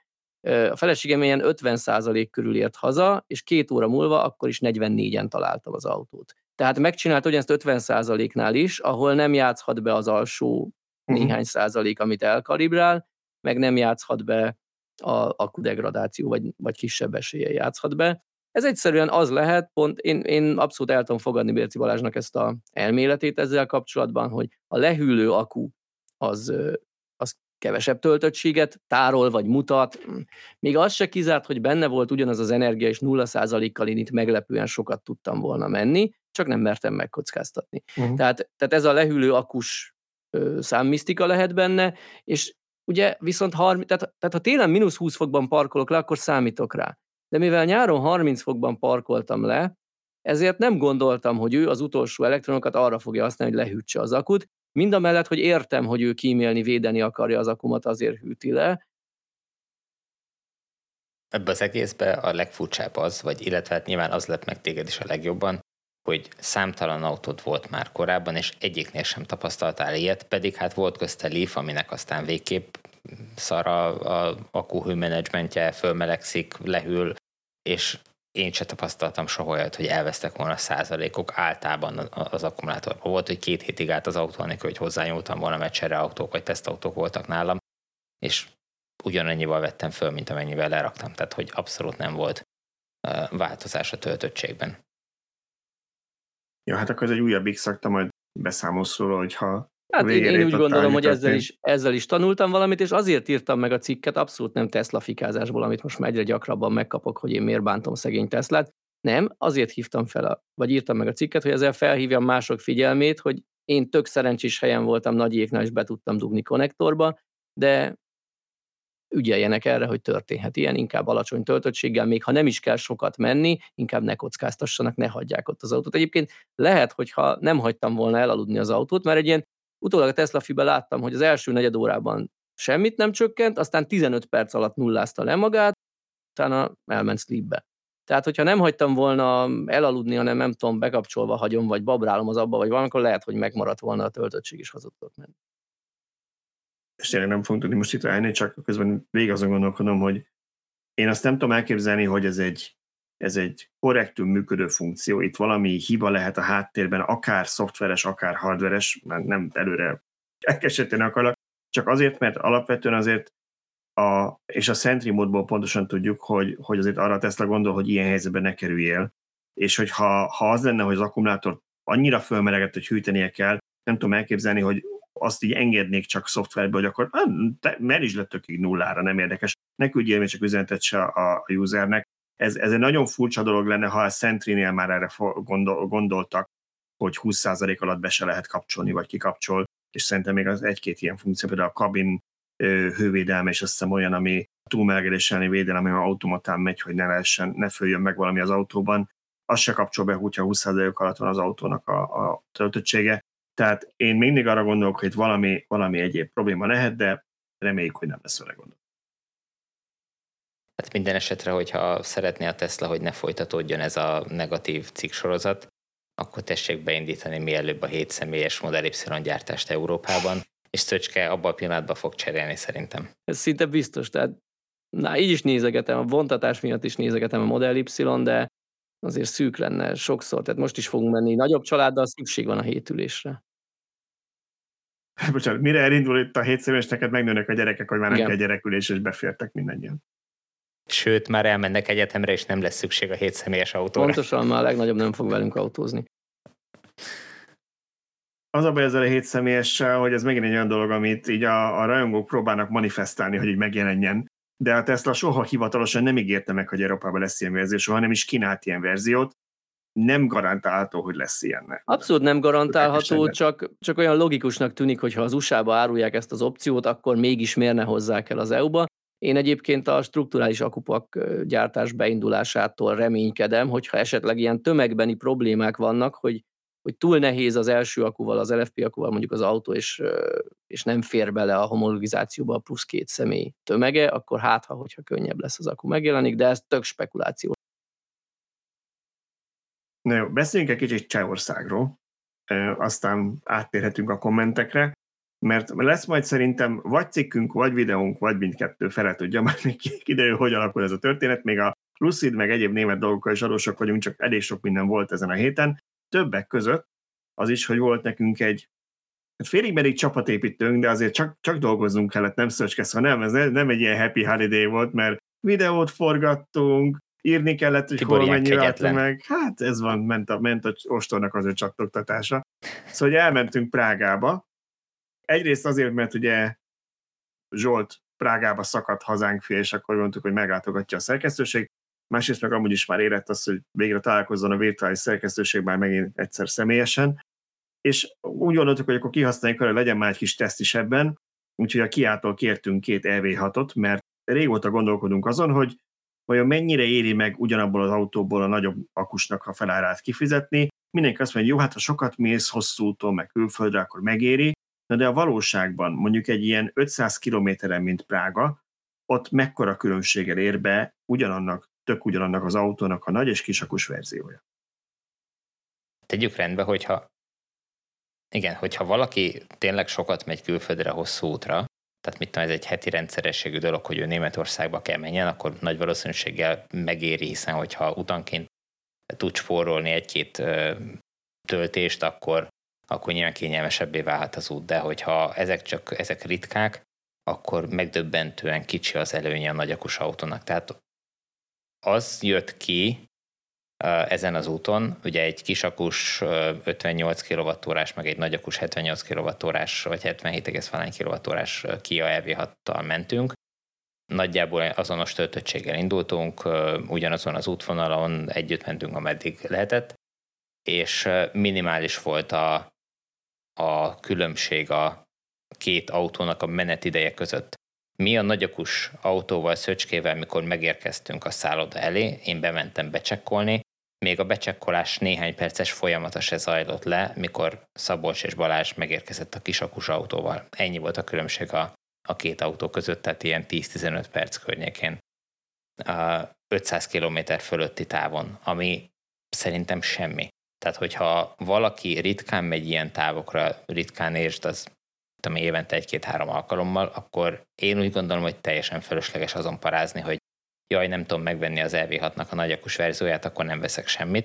Bátran meg lehet venni a kisakus verziót is, és, és tökéletesen megfelelő lesz. Ahol szerintem oda kell figyelni, hogy melyiket választja az ember, az az, amikor olyan távokat kell rendszeresen megtenni, ahol épp nem adja ki a kisakus verzió a, a hatótávot kényelmesen, viszont a nagyakussal meg meg lehet tenni töltés nélkül, vagy mondjuk egy töltés lehet spórolni azzal.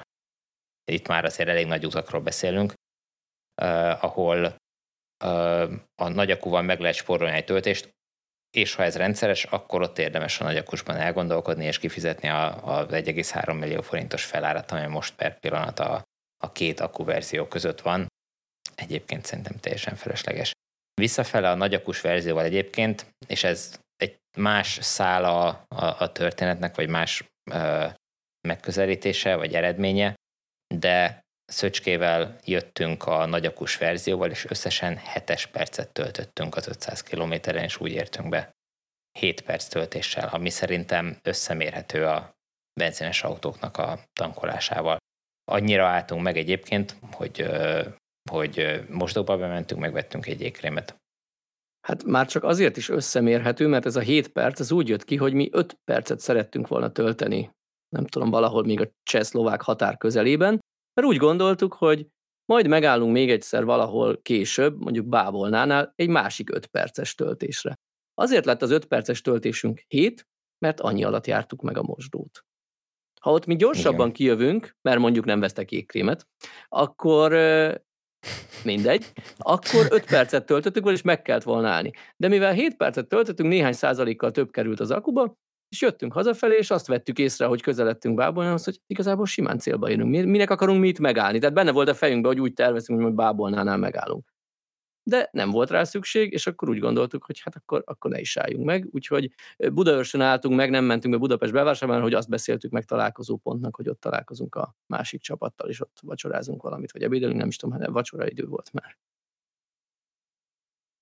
visszafele úton azt hiszem egy ilyen 20 perc környéki volt a, a lemaradása a kisakus autónak, amiből szerintem egy ilyen 5-10 perc az azzal ment el, hogy Balázs fölülbírálta a véznek a, a javaslatát, és azt mondta, hogy ő nem, baleset van, baleset van, de ő nem megy el megnézni a Bruno melletti MotoGP pályát, hanem ő marad az autópályán, és hát tényleg baleset volt, és és szerencsére haladt az nem... autópály, de lassabban, mint aki, aki lehajtott nem a vész bíráltam fel, hanem a Kiának a saját navigációt használtunk, kíváncsiak voltunk, hogy az hogy működik.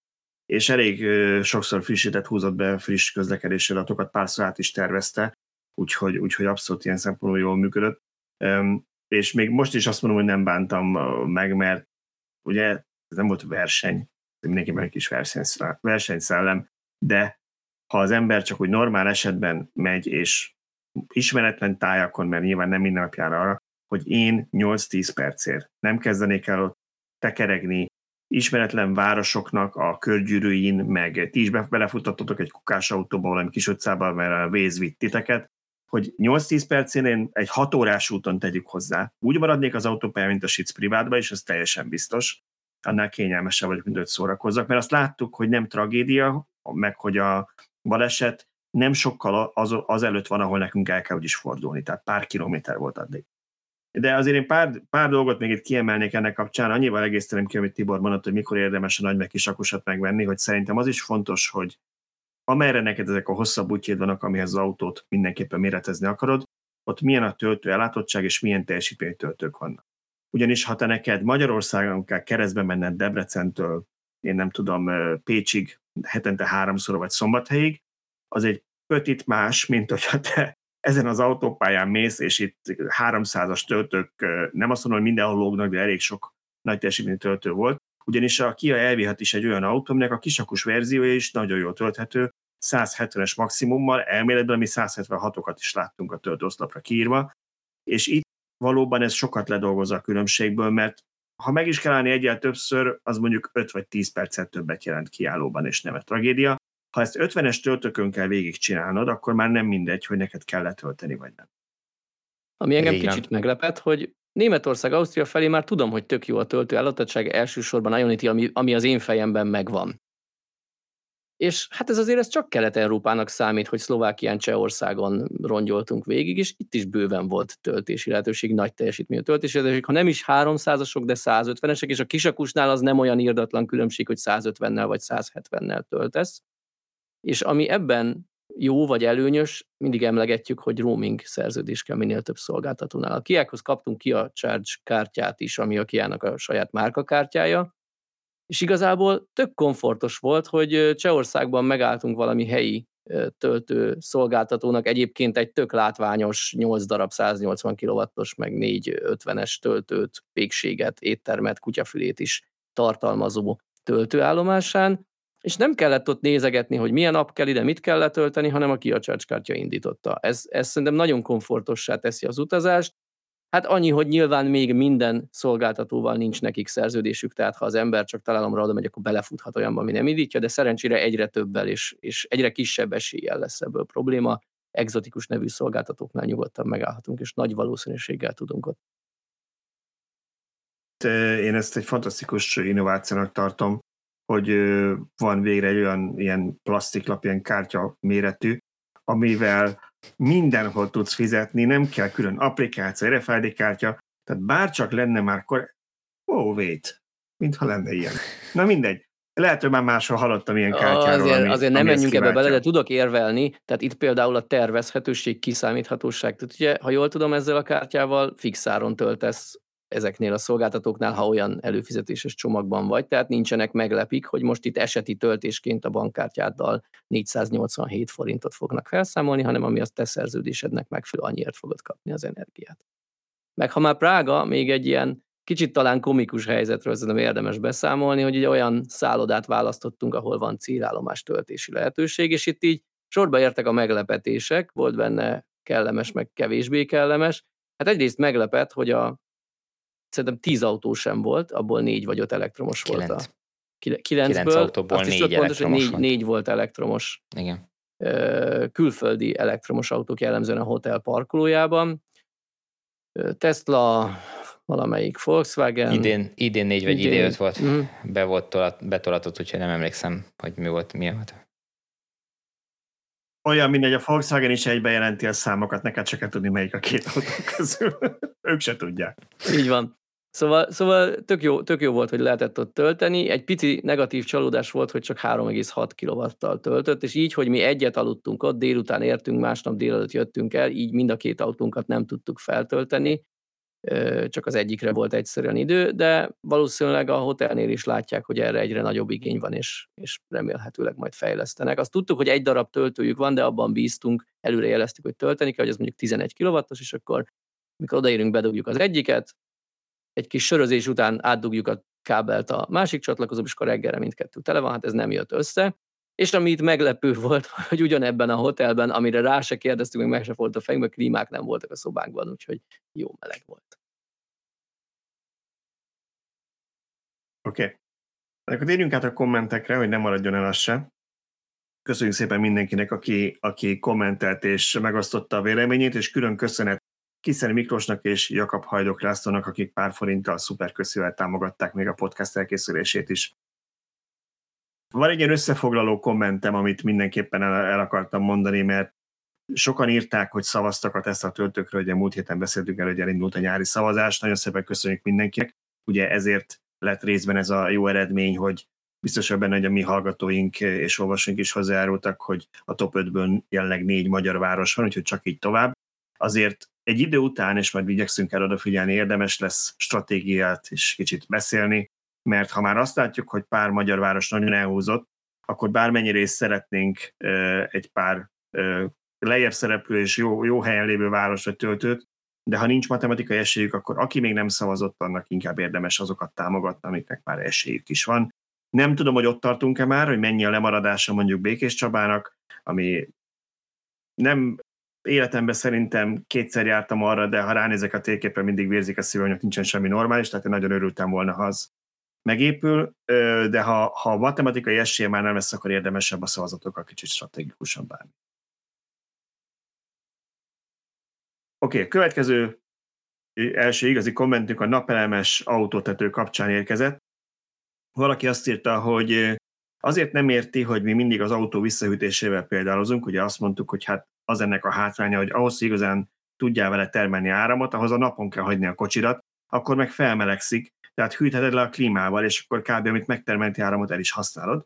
Azért nem érti, hogy miért mindig ezzel példázunk a hallgató, mert azt mondja, lehet, hogy ez még Los Angelesben igaz, de sok országban nem állandóan nyári égövről van szó, és a műsor hallgatva rögtön azon gondolkodott, hogy hát ő régi autósként sokat autóz a városban, többször inkább a napos helyeket keresi, mint az árnyékosat a parkolókban, hogy meleg legyen az utastér, mert Magyarországon kevesebb a meleg hónap, mint a hűvösebb.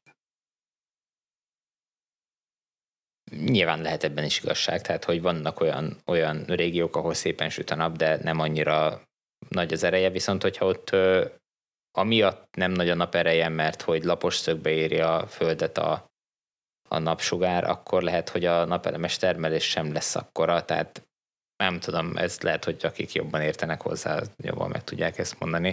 De, de nyilván vannak olyan szituációk, amikor nem kell utána lehűteni az autót. Én még azzal csatlakoznék itt a hallgatóz, amire Laci is felhívta a figyelmünket, hogy azért nagyon sokszor nem választás kérdés, hogy hogy parkolsz. Tehát én azért jártamban, keltemben, szerencsére nem ilyen helyen dolgozom, de amikor látom egy nagy multinak a gigantikus parkolját, ahol el se látok egyik végéről a másikba, ott még ha tettek is néhány ilyen díszfát, az árnyékot nem biztosít. Tehát ha te ott dolgozol, akkor a te autód ott bizony, ha akarod, ha nem, a napon fog állni napi 8-10 órát.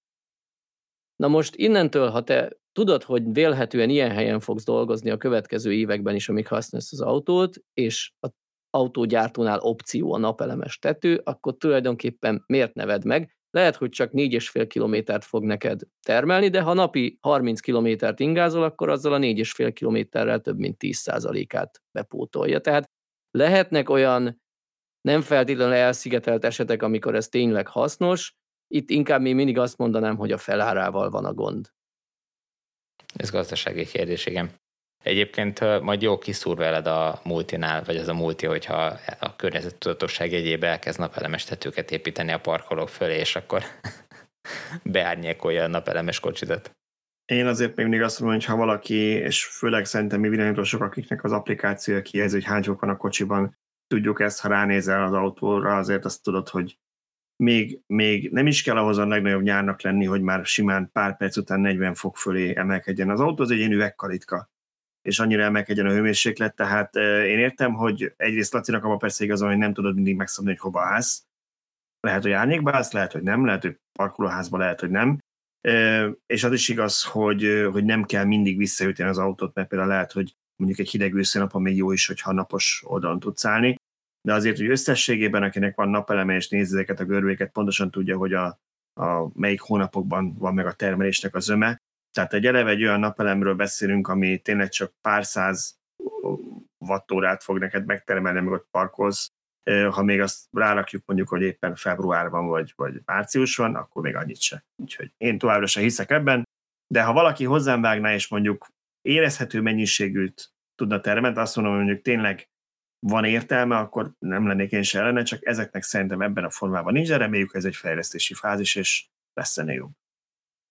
Következő, és ez azt beszéltük Szöcske, hogy talán lehet, hogy Tibornak kérdés, mert lehet, hogy ő tudja a választ. Ha nem, akkor meg így jártunk.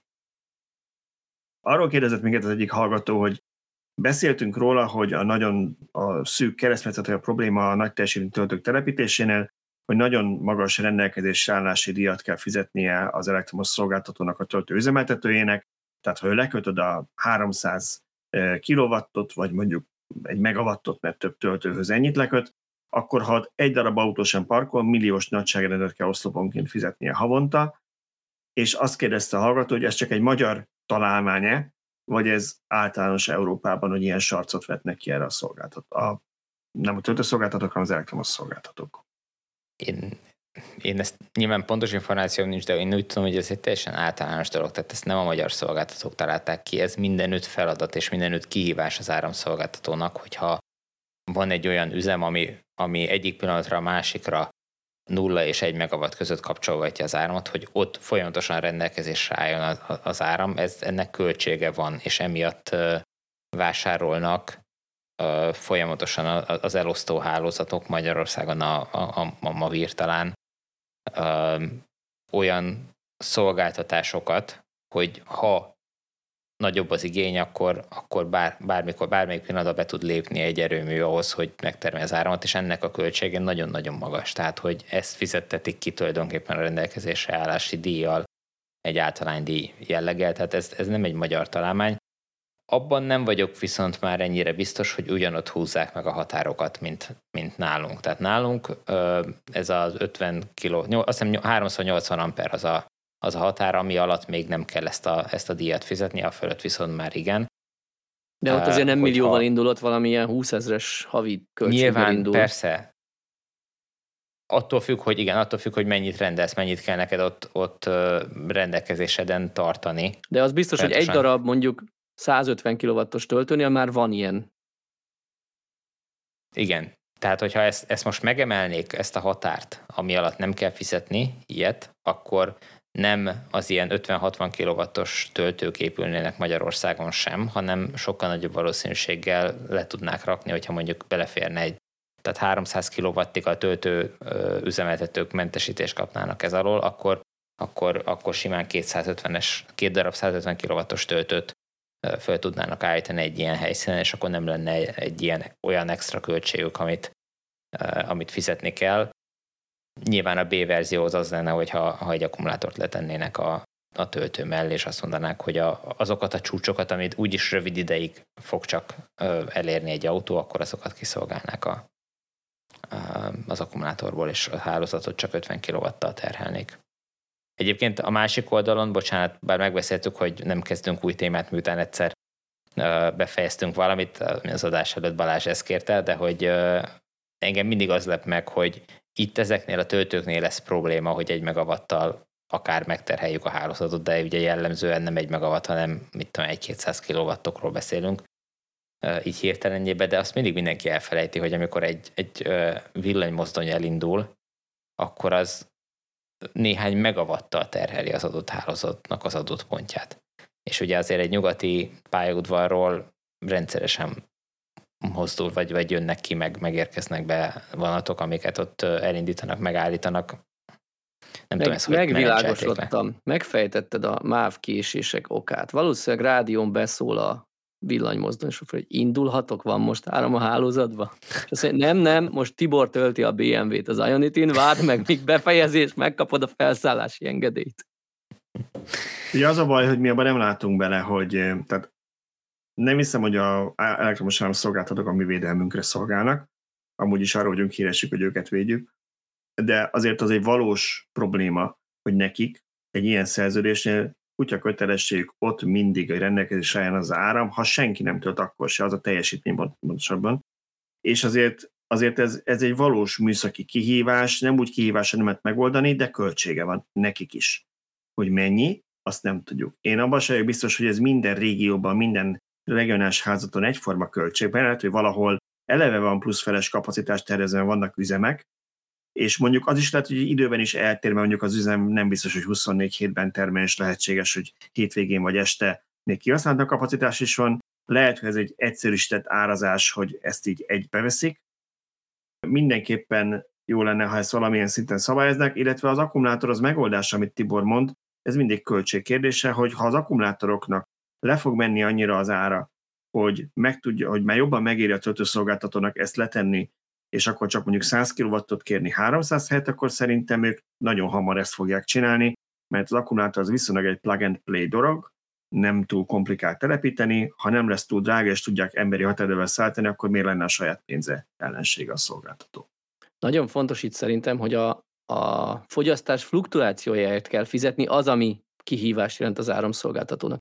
Tehát ha én oda teszek egy vaskohót, és megmondom, hogy 7x24-be fel fog venni 5 megawattot, az valószínűleg nem kihívás a szolgáltatónak, mert tudja, hogy azt ott ki kell szolgálni, előre tudja, hogy jövőre is ki kell, vagy a jövő héten is.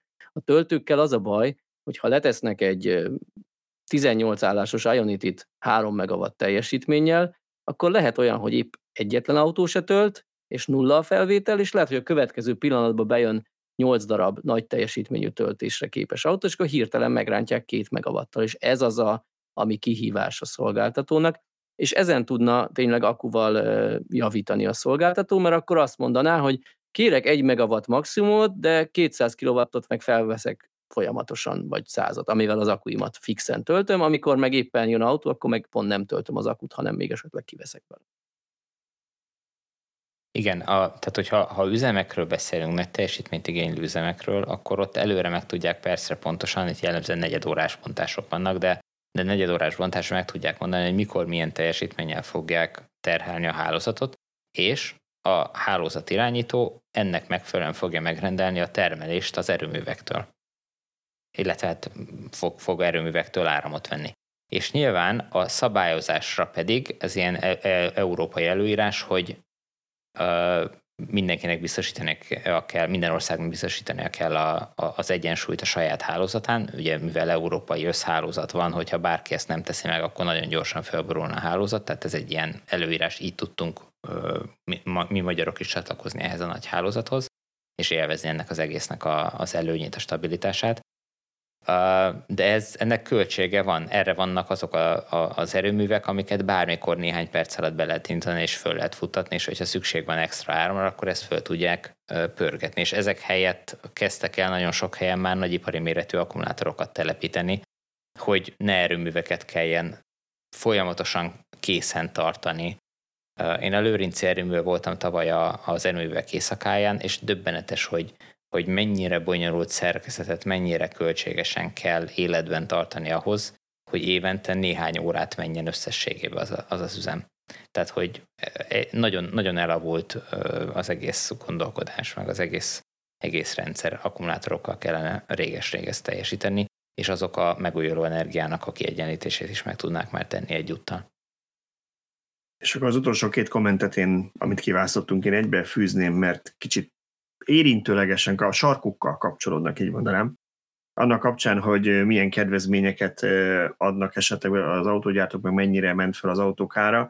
Valaki azt írta, hogy például nem csak az elektromos autókra igaz ez, például a Nissan Qashqai e-Power 4,5 millió kedvezménnyel van jelenleg a magyar piacon, tehát 4,5 millió kedvezményt ad a forgalmazó, és 0%-os THM-et, ami szerintem valószínűleg ennél is nagyobb kedvezmény, mert hogy tudjuk, hogy milyen hitelkamatok vannak jelenleg. Nulla TH-re az ember bármikor bevállal szerintem nyugodtan bármit, de a négyes filmmű nyilván nem elhanyagolható. Tehát ez az egyik. A másik meg az, hogy azért mondtam, hogy sarkával kapcsolódik, mert Amerikáról, Amerikára reflektált valaki, aki azt mondta, hogy még hogy Amerikában nem kellnek a villanyautók, de bizony kellenek, csak megpróbálják belső te, a belső termelést előtérbe helyezni, ugye ez a Biden programmal, és ezzel együtt csökkenteni a kintről beáramló járművek eladásait ugye arra gondol itt a hallgatónk szerintem, hogy ugye a, ez az IRA nevű kicsit szerencsétlen rövidítésű program, ez komolyan támogatja azt, hogyha az autóknak legalább az akkumulátornak nagy része Amerikában készül, és például a koreai márkák, meg a japán márkák, meg talán még, még volt egy-kettő, ami ebbe beleesett ebbe a körbe, mondjuk az Audi-nak a termékei azért nem jogosultak erre a támogatásra Amerikában, mert nem ott készül az akku. Hát összefontad, de én külön reagálnék. A, először is ugye a Qashqai-nál hiába e-Power a neve, az nem egy villanyautó sajnos. És ebből csak az látszik, hogy a hagyományos autók piacán is gond van, ha ott is ilyen komoly kedvezményeket adnak, tehát ez van, nem fogynak az autók, nem veszik az emberek. Amerikára pedig annyit reflektálnék, hogy hogy azért a múltkor, ami kapcsán valószínűleg ez a komment érkezett, arról beszéltünk, hogy volt ott egy-két kakuktojás, egy-két támogatásra jogosult amerikai modell is, amelynek nem úgy mennek a eladásai, mint szeretné valószínűleg a gyártó, legalábbis hosszú raktározási idővel számolhat. Azért az döbbenetes, hogyha 0%-os THM-et, meg 4 milliós kedvezményt, vagy 4,1 milliós kedvezményt tudnak adni egy autó árából, nem tudom mennyi a lista ára, vagy mennyiért kínálták korábban ezt az autót, de gondolom ilyen tizen néhány millió forintok lettek, akkor nagyon durva árés lehetett az elmúlt időszakban, vagy árést építhettek fel az elmúlt rosszabb, időszakban. Rosszabb most... forint árfolyamra számítottak. Biztos ez igen, a Igen, én, én, én itt két dolgot mondok. Egyrészt lehet, hogy akkor a bajban vannak, hogy képesek akár veszteséggel is eladni az autót, hogy pénzükhöz jussanak, és tudjanak mást vásárolni, mert ugye sajnos a kereskedők is beleeshettek abba a szituba, hogy mondjuk egy tavaly berendelt autó 410 forintos Enro árfolyamon érkezett a országba a kereskedő flottájába, és most meg 370-nél tudna újat rendelni, amit már lehet, hogy meg is vennének, de hát neki ott áll készleten az az autó, amit szerencsétlen megvett ilyen horror árfolyamon. Másrészt igen, amit Balázs mond, hogy valószínűleg a következő autóknál már ilyen biztonsági árlistát alakítottak ki, mert a magyar gazdaság teljesítménye miatt ugyanúgy benne van a 350-es, mint a 450-es Enro a jövő hétre. Ezt baromi nehéz kivédeni. Ö, amint talán említetted is a múltkor, hogy talán a Volkswagen konfigurátorában már Enro-ban szerepelnek Igen. az árak, és a végén napi árfolyamon váltja Egyszerűen erre kényszerítették a gyártót.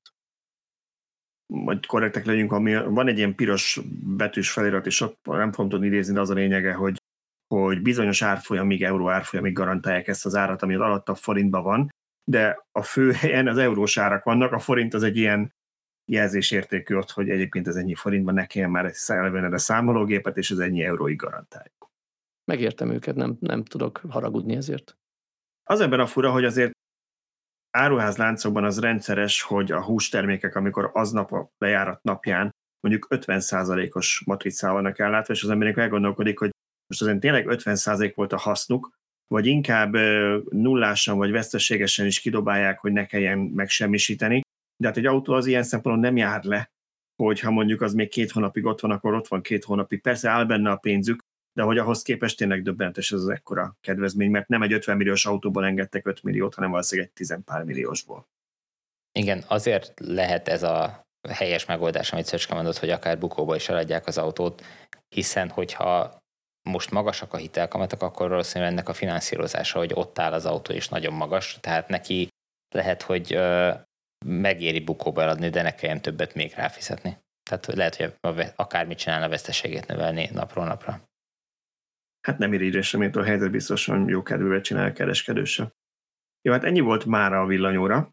Szerintem megint csak azt mondhatjuk, hogy a jelenlegi terveink szerint jövő héten még lesz adás, aztán a következő héten majd meg kiderül de egyelőre úgy néz ki, hogy jövő héten újra egyenlítve találkozunk a 187. villanyórában. Addig is mindenkinek jó pihenést kívánunk. Sziasztok! Sziasztok! Sziasztok!